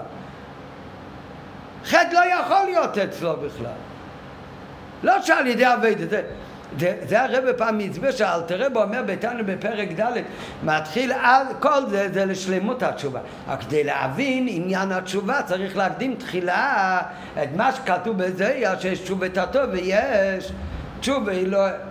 הרב פעם שאל מה זאת אומרת כדי להבין מה זה תחילת עבודת התשובה כפשוטו עזיבת החטא בלבד להסיק להיות פורק עול מלכות שמיים, לקבל עול שמיים. בשביל זה מה הוא צריך לדעת? בשביל תחילת עבודת התשובה הוא צריך לדעת שיש תשובת התא ויש תשובה הילאה. עכשיו, תשובה הילאה זה דרגה גבוהה ביחיד שבנפש. את זה הוא צריך לדעת לפני שהוא עושה תשובה על חטאים, תשובת התואר. כי מה זה התשובת התואר האמיתית? מה למדנו בתניא? עזיבת החטא בלבד. מה זה עזיבת החטא בלבד? שלא יחטא יותר באותו דבר או בשום דבר? בשום דבר. למה בשום דבר? הוא עשה חילול שבת, תשובה אמיתית זה רק אם יותר הוא לא ייכשל בשום דבר, הן במצוות תעשה, הן במצוות לא תעשה. למה באמת? כי האמיתי של תשובה, שקבל עול מלכות שמיים לעומת הפריקסל שהיה לו. לקבל עול מלכות שמיים זה הכוונה ששום דבר, אם הוא אומר דבר אחד אני אמשיך לעשות, אז הוא לא קיבל עול מלכות שמיים בשמות. נו, איך יכול להיות אצל בן אדם כזה דאגה ששום דבר הוא לא ייכשל לו יותר אף פעם? מתי? כשנרגש אצלו העניין, גם אם הוא לא בדאגה של תשובה אלוהי. אז צריך להיות נרגש אצלו התוכן של תשוב אלוהים. מה זה התוכן של, של תשוב אלוהים? והרוח תשוב אל אלוקים אשר נתנה. המעט מהזקן בתניא הכוונה זה שהוא יהיה דבוק לקודש ברוך הוא הנשמה שלו כמו שהייתה הנשמה שלו קודם לא רק קודם למטה? ולא רק קודם שידע הנשמה למטה אלא כמו קודם ויפח באפוב כמו טרם שנפח ברוח פיו בן אדם הוא נופח החוצה, יש את ההבל איך שהוא נמצא, והלב שלי לפני שאני נופח החוצה. הנשמה, איך היא, איפה היא הייתה טרם אה, ויפח? איפה היא הייתה? לפני ויפח באבא. אז זה היה חלק מהקודש ברוך הוא. כך צריך להזיע את הנשמה בשושן. שם יכול להיות עניין של חטא. שם היא הרי לא יכולה להיות נפרדת מהקודש ברוך הוא. יהודי כשהוא מתחיל לעשות שוב את התואר על חטא, מקבל עול מלכות שמיים על חטאים. צריך כבר לדעת מה זה באמת הנשמה שלו. הנשמה שלו בפנימיות, מה זה יחידה שבנפש, זה כמו שהנשמה טרם שנפח. שהיא כלולה בעצמות של הקודש ברוך הוא, והיא לא יכולה בכלל להיות נפרדת. וזה התשובה אלוהי, זה תשובה אלוהי, אומר אדמת כן, זה עיקר התשובה של עשרת ימי, ימי תשובה. זאת אומרת, עיקר התשובה של עשרת ימי תשובה זה בבעשי טוב, לא סתם בבעשי טוב, אלא בעשי טוב באופן הכי נעלה, דבקו בקודש ברוך הוא. שזה כתוב באמת, אז יש תשובה בסומרה, בעשי טוב, והדאגה של תשובה היא לא בעבודה שלנו, כן, אנחנו לא מגישים את ה... לא אולי, בטוח, דאגות של יחידה שבנפש, חי שבנפש. אנחנו בכלל לא מגישים את הנפש שלנו, מגישים את, ה, את החיות הגופנית שלנו. אבל מה זה בעבודת השם אומר? עבודה של תשובה אלוהי, שאם בתשובתו הוא עבד שצריך לקבל על מלכות שמיים, זה מתבטא בתאומיצס. תשובה אלוהי הוא בכלל לא מציאות נפרדת מהקודש ברוך הוא. זה איפה נרגש, כתוב בחסידות, בעבודה של לימוד לימוד התורה. כך גם אומר אדמה זקן בתני, שהאבדה של תשובה אלוהים, מה זה? אדם חטא אפילו על דברים שכתוב שלא מועיל עליהם תשובה התורה, רק תשובה אלוהים, לימוד התורה. היה רגיל ללמוד מאה פעמים, ילמד מאה ואחת פעמים. ילמד יותר מרגליו לכל, למה ילמד? יעשה מיצוס יותר משהיה עושה רגיל. במיצוס הוא מציאות נפרדת. בלימוד התרא הוא נהיה מאוחד עם הקודש ברוך הוא. וזה העבודה של תשובה אלוהים. נו, כמו שיש בשנה, יש את הכאן בציבור, התשובה של ציבור, תשובת התואר, שקשורה לככס הנפש, או לעצם הנפש, כפי שיש לו כבר שייכות לכוחות הנפש, וכאן ביוחיד, זה עבודת התשובה שקשורה ליחידה שבנפש. ככה זה, בעצר, זה, זה התשובה של עשרת ימי תשובה. במשך כל השנה, מתי זה שתי זמנים האלה? כל השנה זה ההבדל בין ששת ימות החול לבין יום, יום השבת. והנה, דוגמת שתי בחינות אלו בתשובה הם בכללות שתי אופני עבודה של ימות החול ויום השבת. בימות החול, מה עיקר העבודה שלנו? בימות החול. טוב, אצלנו אין ימות החול, אנחנו בחורי ישיבה או אברכים שלא הגיעו בגלל הסגר, אופיר נשאר תקוע בקרב מלאכי ו... ואיך קוראים לחברותא שלך? יהודה, אה? מה מגיע? הוא לא היה כאן היום. לירן. אה, עמית הוא גם בחור, הוא גם נתקע. הוא אמר לי לא העלו אותו לאוטובוס בערב בגלל הסגר. אה, הוא מגיע עכשיו? שאלתי אותו איך תגיע, הוא אומר, הוא בודק איפה יש הפגנה, שיהיה לו מה להגיד, איך להגיד. הפגנה כל יום בים. אה? הפגנה כל יום בים. כן. בכל אופן, אז אנחנו אין אצלנו כל כך הרבה נפקא מינה בין ימות השבת לבין לבין ימות ה... אה? לבין ימות החול. אה? יש הבדל מנחם. בין שבת למות החול, אצל בחור ישיבה יש הבדל? כן, כאן הוא לומד אה, בוסו בחולו, וכאן הוא לומד אה, לקוטי תרא. לא. אה, זהו, נכון, זה מה שיוסי אומר, בש"ס לומדים יותר חסידס. זה אני לא יודע, לומדים פחות ניגלה. בוא נגיד. אבל אצל... אין עבוד בסודרות. לא נכון. אה, אז זהו, אז זה ההבדל. באמצע השבוע מעשן קצת, עובד את הבירורים, לברר את הניצוצות שיש כאן. אז למה בשבת לא? כי בשבת הוא לא מברר את הניצוצות. למה מסכנים הניצוצות קדושה שצריכים להתברר מענייני עולם הזה? אז אומרים ככה. כל זמן שאתה בדרגה בנפש, שאתה קשור לעולם הזה, יש לך שייכות לעולם הזה, אז זה לעשות שם עבודת הבירורים. אבל יש דרגה בנשמה שלך, שהיא בכלל הרבה למעלה מענייני העולם הזה. ואז גם אין נתינת מקום שתתעסק בעבודת הבירורים, אין עולם בדרגה הזאת של בנשמה. לא, במשך ששת ימות החול, יש דרג, מה שנרגש בנשמה זה הדרגה של בנשמה ששם תופס העולם מקום. אם העולם תופס מקום, אז צריך לברר ולזכך את העולם בל"ט מלאכות, שכל המלאכות האלה זה ענייני עולם הזה שהתורה אומרת תתעסק בהם, להעלות את זה לקדושה.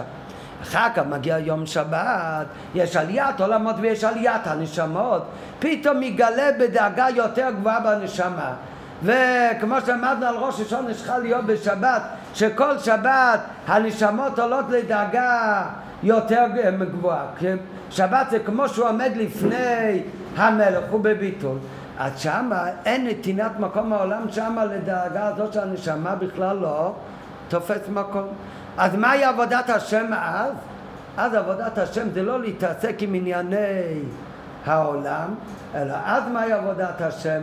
ילכו מחיל אל רק להתעלות בתורה ועבודה כל היום. הוא מנותק מענייני העולם הזה. מגיע השבת, כל מלאכתו עשויה. מה זה כל מלאכתו עשויה? יראה כאילו כל מלאכתו, באמת כל מלאכתו עשויה. הנשמה מתעוררת, מתעלה לדאגה כזאת, שכל מלאכתו עשויה זה לא תופס מקום אצלו עכשיו עבודת הבירור. עכשיו עבודת השם שלו זה רק דבקות ועלייה למעלה. אז זה ממש כמו שתי הדרגות של תשובה. יש אגב בתשובה, ששם יש נטי, תפיסת מקום לכוחות חיצוניים שבנשמה ולעבירות ולפגם שהוא עשה. אז שם העבודה צריך להיות לברר ולזכך את הנשק ולתקן אותו, תשובת הטועה. אחר כך יש מתעלה דאגה יותר גבוהה בנשמה, שם דאגות נמוכות בנשמה, עולם הזה ועבירות לא תופסים שם מקום, שם עבודת התשובה זה רק תשובה הילאה. בימות החול, הרי עיקר עבודת האדם זה עבודת הבירורים. על ידי השלושים ותשע מלאכות ועובדין דחל שעניינם לברר ענייני רשות להעלות אותם לקדושה. דוגמתם בעבודת התשובה זה בחינה של תשובת הטועה עבודה עם כוחות פנימיים שלו שעבודת הכוחות הפנימיים הם נפרדים מאלוקות וצריך לחזור ולקשר אותם בחזרה לקדושה. זה תשובת התא ביום השבת אבל מלאכה אסורה כי מצד עליית העולמו ביום השבת. הרי האדם הוא למעלה מענייני העולם ועבודת הבירורים ועבודתו אז היא עלייה מדג לדג בקדוש גופה אותו דבר בדרגת התשובה. עבודת יום השבת כל שבת הוא תשובה הילה דבקות ועליית הנשמה לשורשה ומקורה ידוע מה שכתוב ששבת, אביתר אמר אתמול הרי לא אומרים וידוי בשבת, וידוי לא אומרים בשבת, אבל מה זה שבת אותיות? תשב. אז אומרת שבת, המילה שבת מרמזת על עבודת התשובה. שבת זה אותם אותיות כמו תשב, תעשה כבר תשובה. תושבנש. אז אם ככה, אז מה באמת ההסבר בזה? אז כתוב ששבת תמיד זה באמת תשובה, רק לא אומרים וידוי, כי איזה תשובה זה שבת? תשובה הילה. לכן מה צריך לעשות בליל שישי? אה? להגיד לחיים? אולי, נכון, היום לא יודעים איך להגיד קריש משלמית, אז במקום זה מתוועדים ואומרים לחיים. אבל מה במקור, מה אמורים לעשות? חשבון נפש על כל השבוע. אמרתי לכם לקרוא, קראתם את ההקדמה של פקי החיוורים, קראת צבי, מה יהיה? אתה עוד בגרס התשובה, זה לא סותר. את זה אפשר לקרוא במיטה לפני שנהיה דמים. את ההקדמה לפרקי החיובים. כתוב שם כל זמני חשבון נפש. כל לילה בקיש משל המיטה על מה שהיה אותו יום. כל ליל שישי זה על השבוע. למה? אז כך כתוב, מכיוון ששבת, שבת זה תשובה הילה. לפני תשובה לא צריך לעשות תשובת הטועה. נו, מתי תעשה תשובת הטועה? ביום שישי אחר הצהריים? זה צריך להגיד כבר שניים מיקרו וחותגום, זה חלק כבר מהתשובה אלוהי. אז זה צריך בליל שישי, בליל שישי, כשאומרים קיש משל המיטה, צריך קצת לחשוב, לקחת את עצמו בידיים על מה שצריך um, להשתפר לעומת מה שהיה בשבוע ש... שעבר. כך כתוב. אז זה התשובת התו שקודם, אבל כל שבת זה תמיד עבודת התשובה. אבל איזה עבודת התשובה זה בשבת? עבודת התשובה של תשובה היא לה... ובזה יש לבאר העילוי בעבודת התשובה של שבת תשובה על עבודת התשובה של שעה ימים שעשרת ימי תשובה. למדנו מקודם, כל השיחה זה בא להסביר למה קוראים לשבת הקרובה שבת תשובה. שמילא זה יום מעשרת ימי תשובה, זה הכל ימי תשובה. מה זה קשור מיוחד לשבת? עכשיו זה מובן. כי אל תראה בו מכל התוכן של כל עשרת ימי תשובה, מה זה בעיקר? תשובה הילאה, כן, שלא יהיה מקום לטעות. כל אחד מאיתנו, כל אחד צריך לדעת את מקומו, ואף על פי שאנחנו לומדים חסידס, שהימים האלה זה בעיקר תשובה הילה, וצריך להוסיף הרבה בלימודי התרא בשקידה ועל עצמו, זה דווקא בימים האלה שאין כל כך אה, סדרים כרגיל ולא כולם כאן, אבל בלי קשר לזה צריך דווקא בימים האלה, זה תשובה הילה, פשוט לשבת ללמוד, זה הכי חשוב בימים האלה, עד יום כיפר. יום כיפר זה גם קשור לתשובה הילה, קיבלו מלוכות שניות. תורה שבעל פה, תורה שבכתב, ללמוד מתוך חיות והתלהבות, זה תשובה הילה, זה הכי נעלה. אבל ביחד עם זה צריך לדעת שגם כל אחד אם הוא יודע שבחודש אלול ובימי השיחות התשובה תרתו אולי הוא עוד לא עשה עד הסוף לגמרי, כן? הוא עוד לא, עוד לא תיקן לגמרי. פה ושם יכול להיות שבטעות נפלט לו איזה חצי לא שנורה והשם ישמור. אז גם צריך לדעת שגם בימים האלה שתשובה לא, אז מותר לו בקריאת שמע של המיטה קצת לכוון יותר הושמנו בתשובת התוקה פשוטו ומותר לו להמשיך ללמוד, אמרנו את החוברת של פוקח עברים או כל אחד לפי עניין שלו אבל עיקר העבודה של הימים האלה צריך עוד כל אחד שיקנה דרך הרבול אבל אה? דניאל אומר אפשר להוריד במחשב? בטלפון לא, זה תשובת התואר הראשונה שצריך להיות כולם לנסוע לים ולזרוק את, ה... את המחשב. טוב, לא בפל, לא, אולי כן בפל ממש, אבל לא בפל ממש שמחר יקנו חדש. זה לא משנה, לא צריך לזרוק, אבל צריך לכל הפחות שיהיה לכל אחד חסימה וכל הדברים כמו שצריך. כן? ולא, ולא להחזיק את זה כל היום איתו, רק מתי שצריך. טוב, זה לשוב יותר טוב, אבל עכשיו, אבל עיקר העניין של ימים אלו מעט מאוד כן, עיקר הימים האלה זה תשובה אלוהי, כי כל השנה כאן בציבור כאן, ביחיד עיקר וזה חשוב שהימים האלה קשור ליחיד שבנפש, לבעשה היטב, אם ככה, אבל זה כל עשרת ימי תשובה, אבל כל עשרת ימי תשובה, הרי יש, כמה ימים יש בעשרת ימי תשובה בין ראש השנה ליום כיפור? בין ישיבה, כנגד כתוב על זה, כל אחד זה לתקן היום הזה של כל שנה שעברה.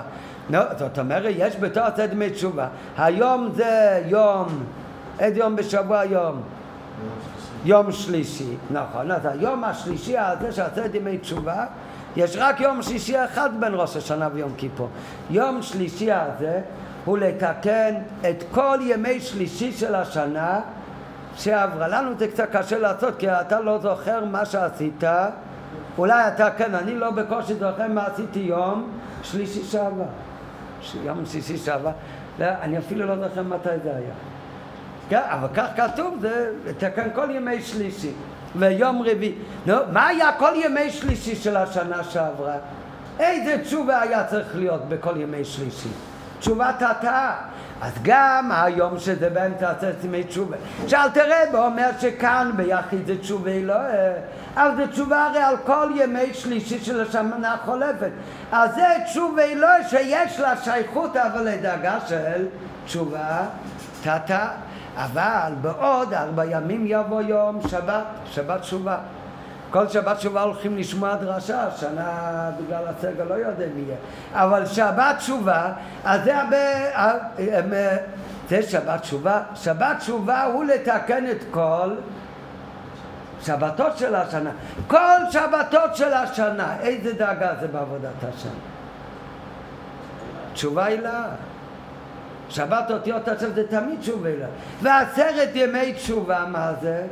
כאן ביחיד זה תשובה לה. אז מכל הימים מראש השנה עד יום כיפור.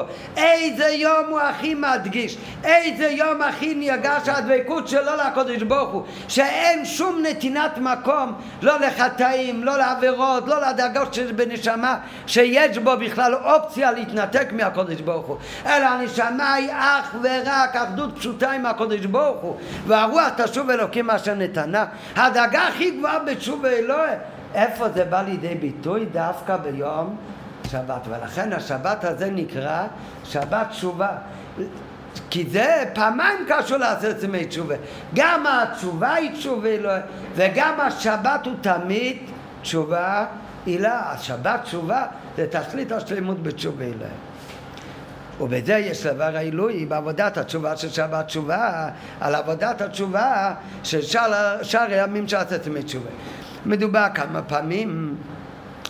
שהנה השבע בימים שבין ראש השנה ועם כיפורים הם כנגד שבעת ימי השבוע של כל השנה. ובכל יום משבע ימי אלו בו התשובה והתיקון על אותו יום בשבוע של כל שבועות השנה, דהיינו ביום ראשון התשובה והתיקון על כל יום ראשון של כל השנה, ביום שני, ביום ב', על כל יום ב' של כל השנה וכולי.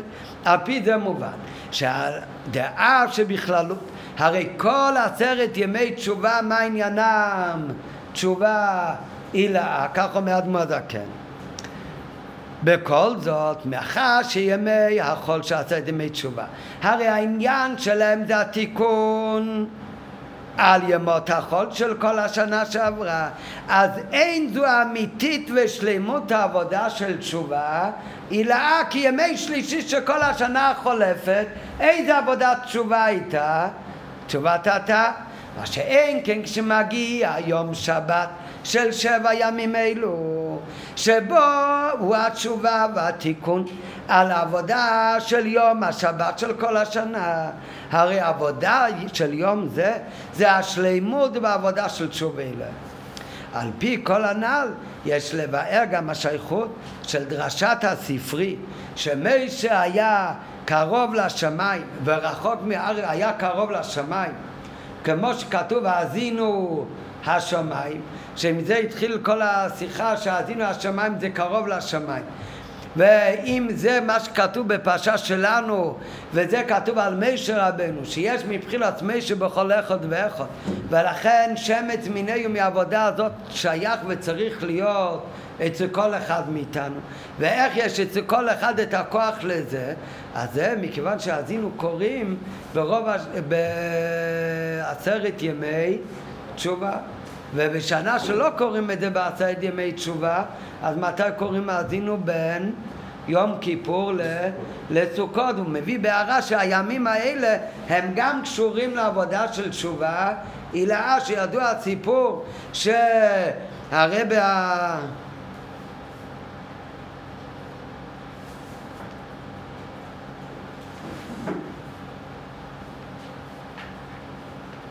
ידוע שהרבא הקודם נכנס פעם לרבא הרש"ב, שאל אותו אחרי יום כיפור מה עכשיו צריך לעשות?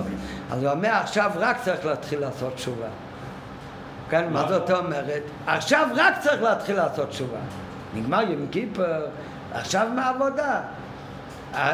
ביידיש זה הצטער שאף מנונה בן תשובתו. מה עכשיו? עכשיו בוודאי מתחיל העבודה לעשות תשובה. לכאורה, מה זאת אומרת? עכשיו מתחיל עבודת התשובה, אחרי יום כיפור זה יום סליחה וכפרה. רק יום ראשון של סוכות, כתוב ראשון ולחדש בן אבינו, כיפרו על כל עוונות. בארבע ימים האלה אחד בונה סוכה, אחד משיג ארבע מינים, אין לו זמן לחטוא בכלל.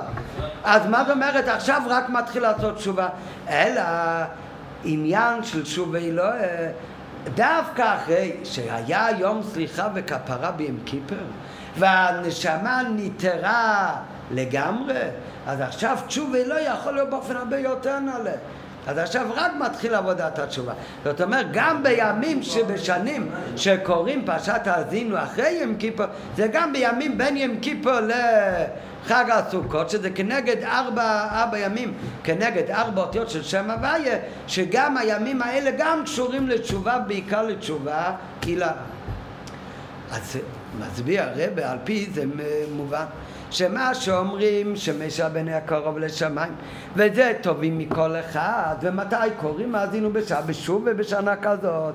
שתי הבחינות של ארץ ושמיים שכתוב משבני הרחוק מהארץ וקרוב לשמיים בנשמה יש גם כן ארץ ושמיים.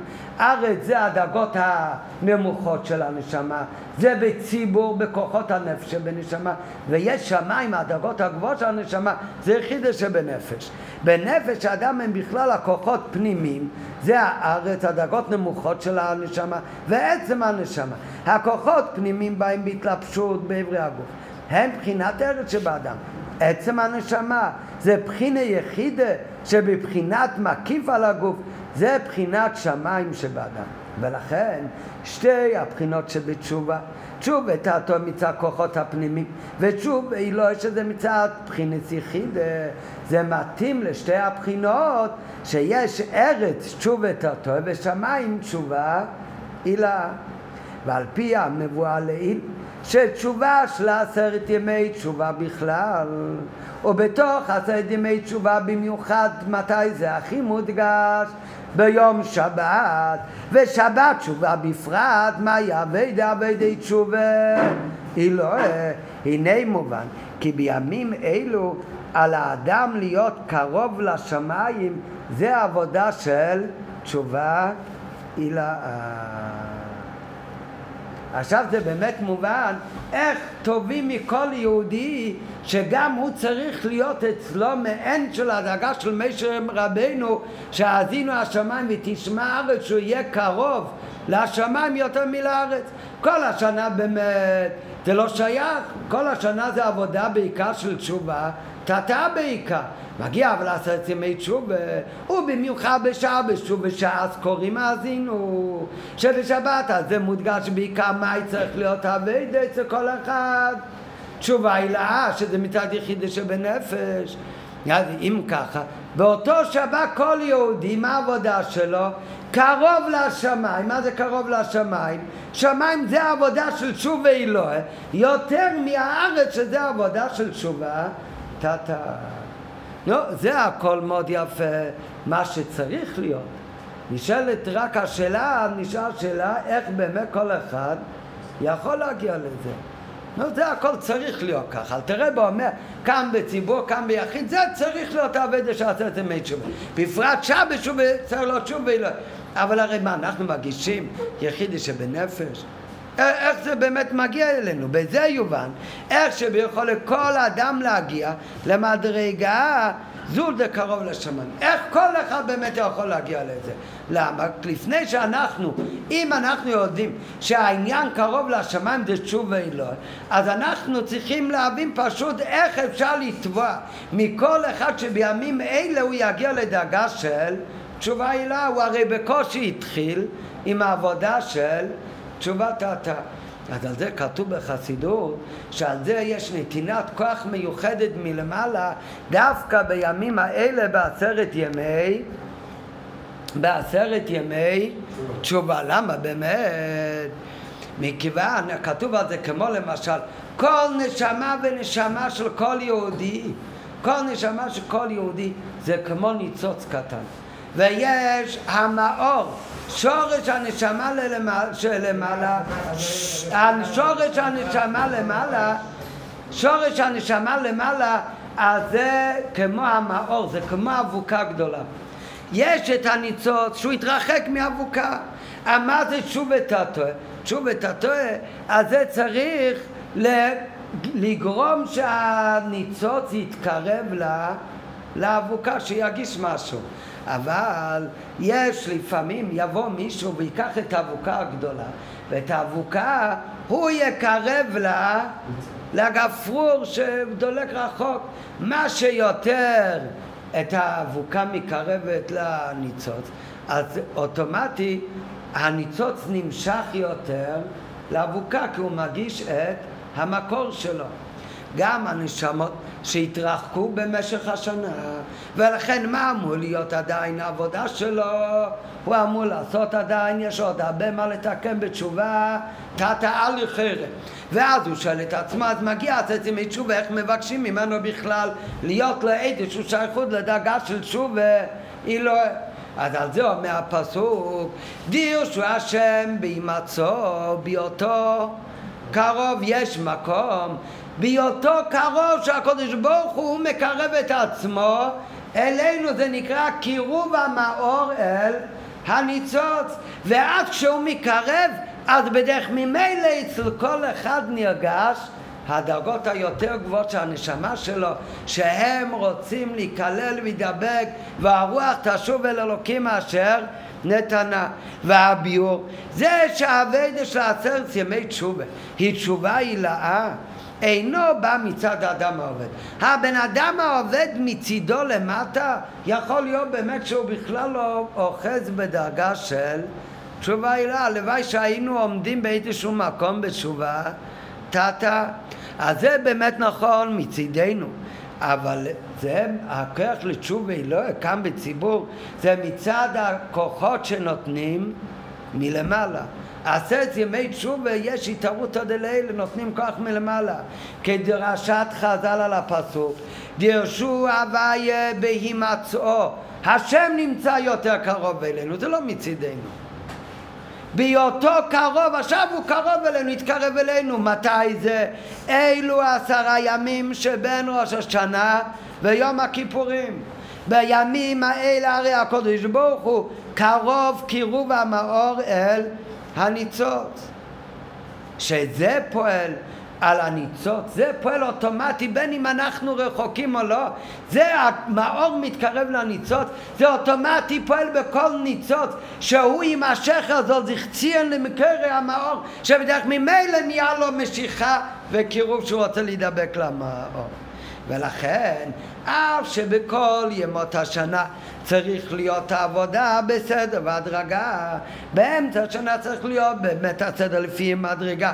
מקודם תשובת הטועה, צריך לעשות קודם חשבון נפש, ורק אחר כך אפשר להגיע לתשובה אלוהי. הרי בעשרת ימי תשובה אז בימים האלה יש נתינת כוח מלמעלה לכל אחד ואחד שיוכל להגיע להיות קרוב לשמיים תשובה הילה בימים האלה צריך כל אחד לנצל את הנתינת כוח ומיד לתפוס ולהידבק בקדוש ברוך הוא. על ידי עשה טוב ללמוד הרבה בשקידה ועצמודה שידבק בקדוש ברוך הוא להתאחד בקדוש ברוך הוא לגמרי לשכוח על המציאות שלו שזה תשובה אלוהי ומעלה מיוחדת בקביעות, זה לא השנה, זה השנה של השיחה, אשר שבת תשובה בתקף אחרי ראש השנה, ושבוע הימים בין ראש השנה ליום כיפור מתחיל מיד מיום השבת, שמיני מטבח עם כולי ימין, אז זה נתינת כוח מיוחדת, שגם העבודה של שאר עשרת ימי תשובה, שזה לא שבת, תהיה במדרגה של תשובה אלוהי כמו יום השבת. עד השנה באמת זה לא הקביעות, אבל לכן התחלנו ללמוד את השיחה מיד אחרי ראש השנה, לא חיכינו לשבת שובה, שהרי כל דבר עם התורה אמרנו נעשה ייחוד נפלא, שלומדים את השיחה על תשובה לא מיד בהתחלה של עשרת ימי תשובה אחרי ראש השנה, אז זה נתינת כוח מיוחדת שכל עשרת ימי תשובה עוד לפני שבת שבעשרת ימי תשובה יהיה נרגש התנועה של תשובה אלוהי כמו שהוא אומר מכיוון שהקדוש ברוך הוא מתקרב לכל אחד מאיתנו בימים האלה זה קירוב המאור לניצוץ אז זה יכול כל אחד ואחד גם אם הוא עדיין צריך לעשות דברים בתשובת התאה אבל הוא כבר יכול להתחיל גם עם עבודה של התשובה היא לה, שרוח תשוב אלוקים מה שנתנה, שהעיקר שלא יחפש כל כך את עצמו ואת השלימות שלו, אלא בעיקר יחפש מה קדוש ברוך הוא רוצה.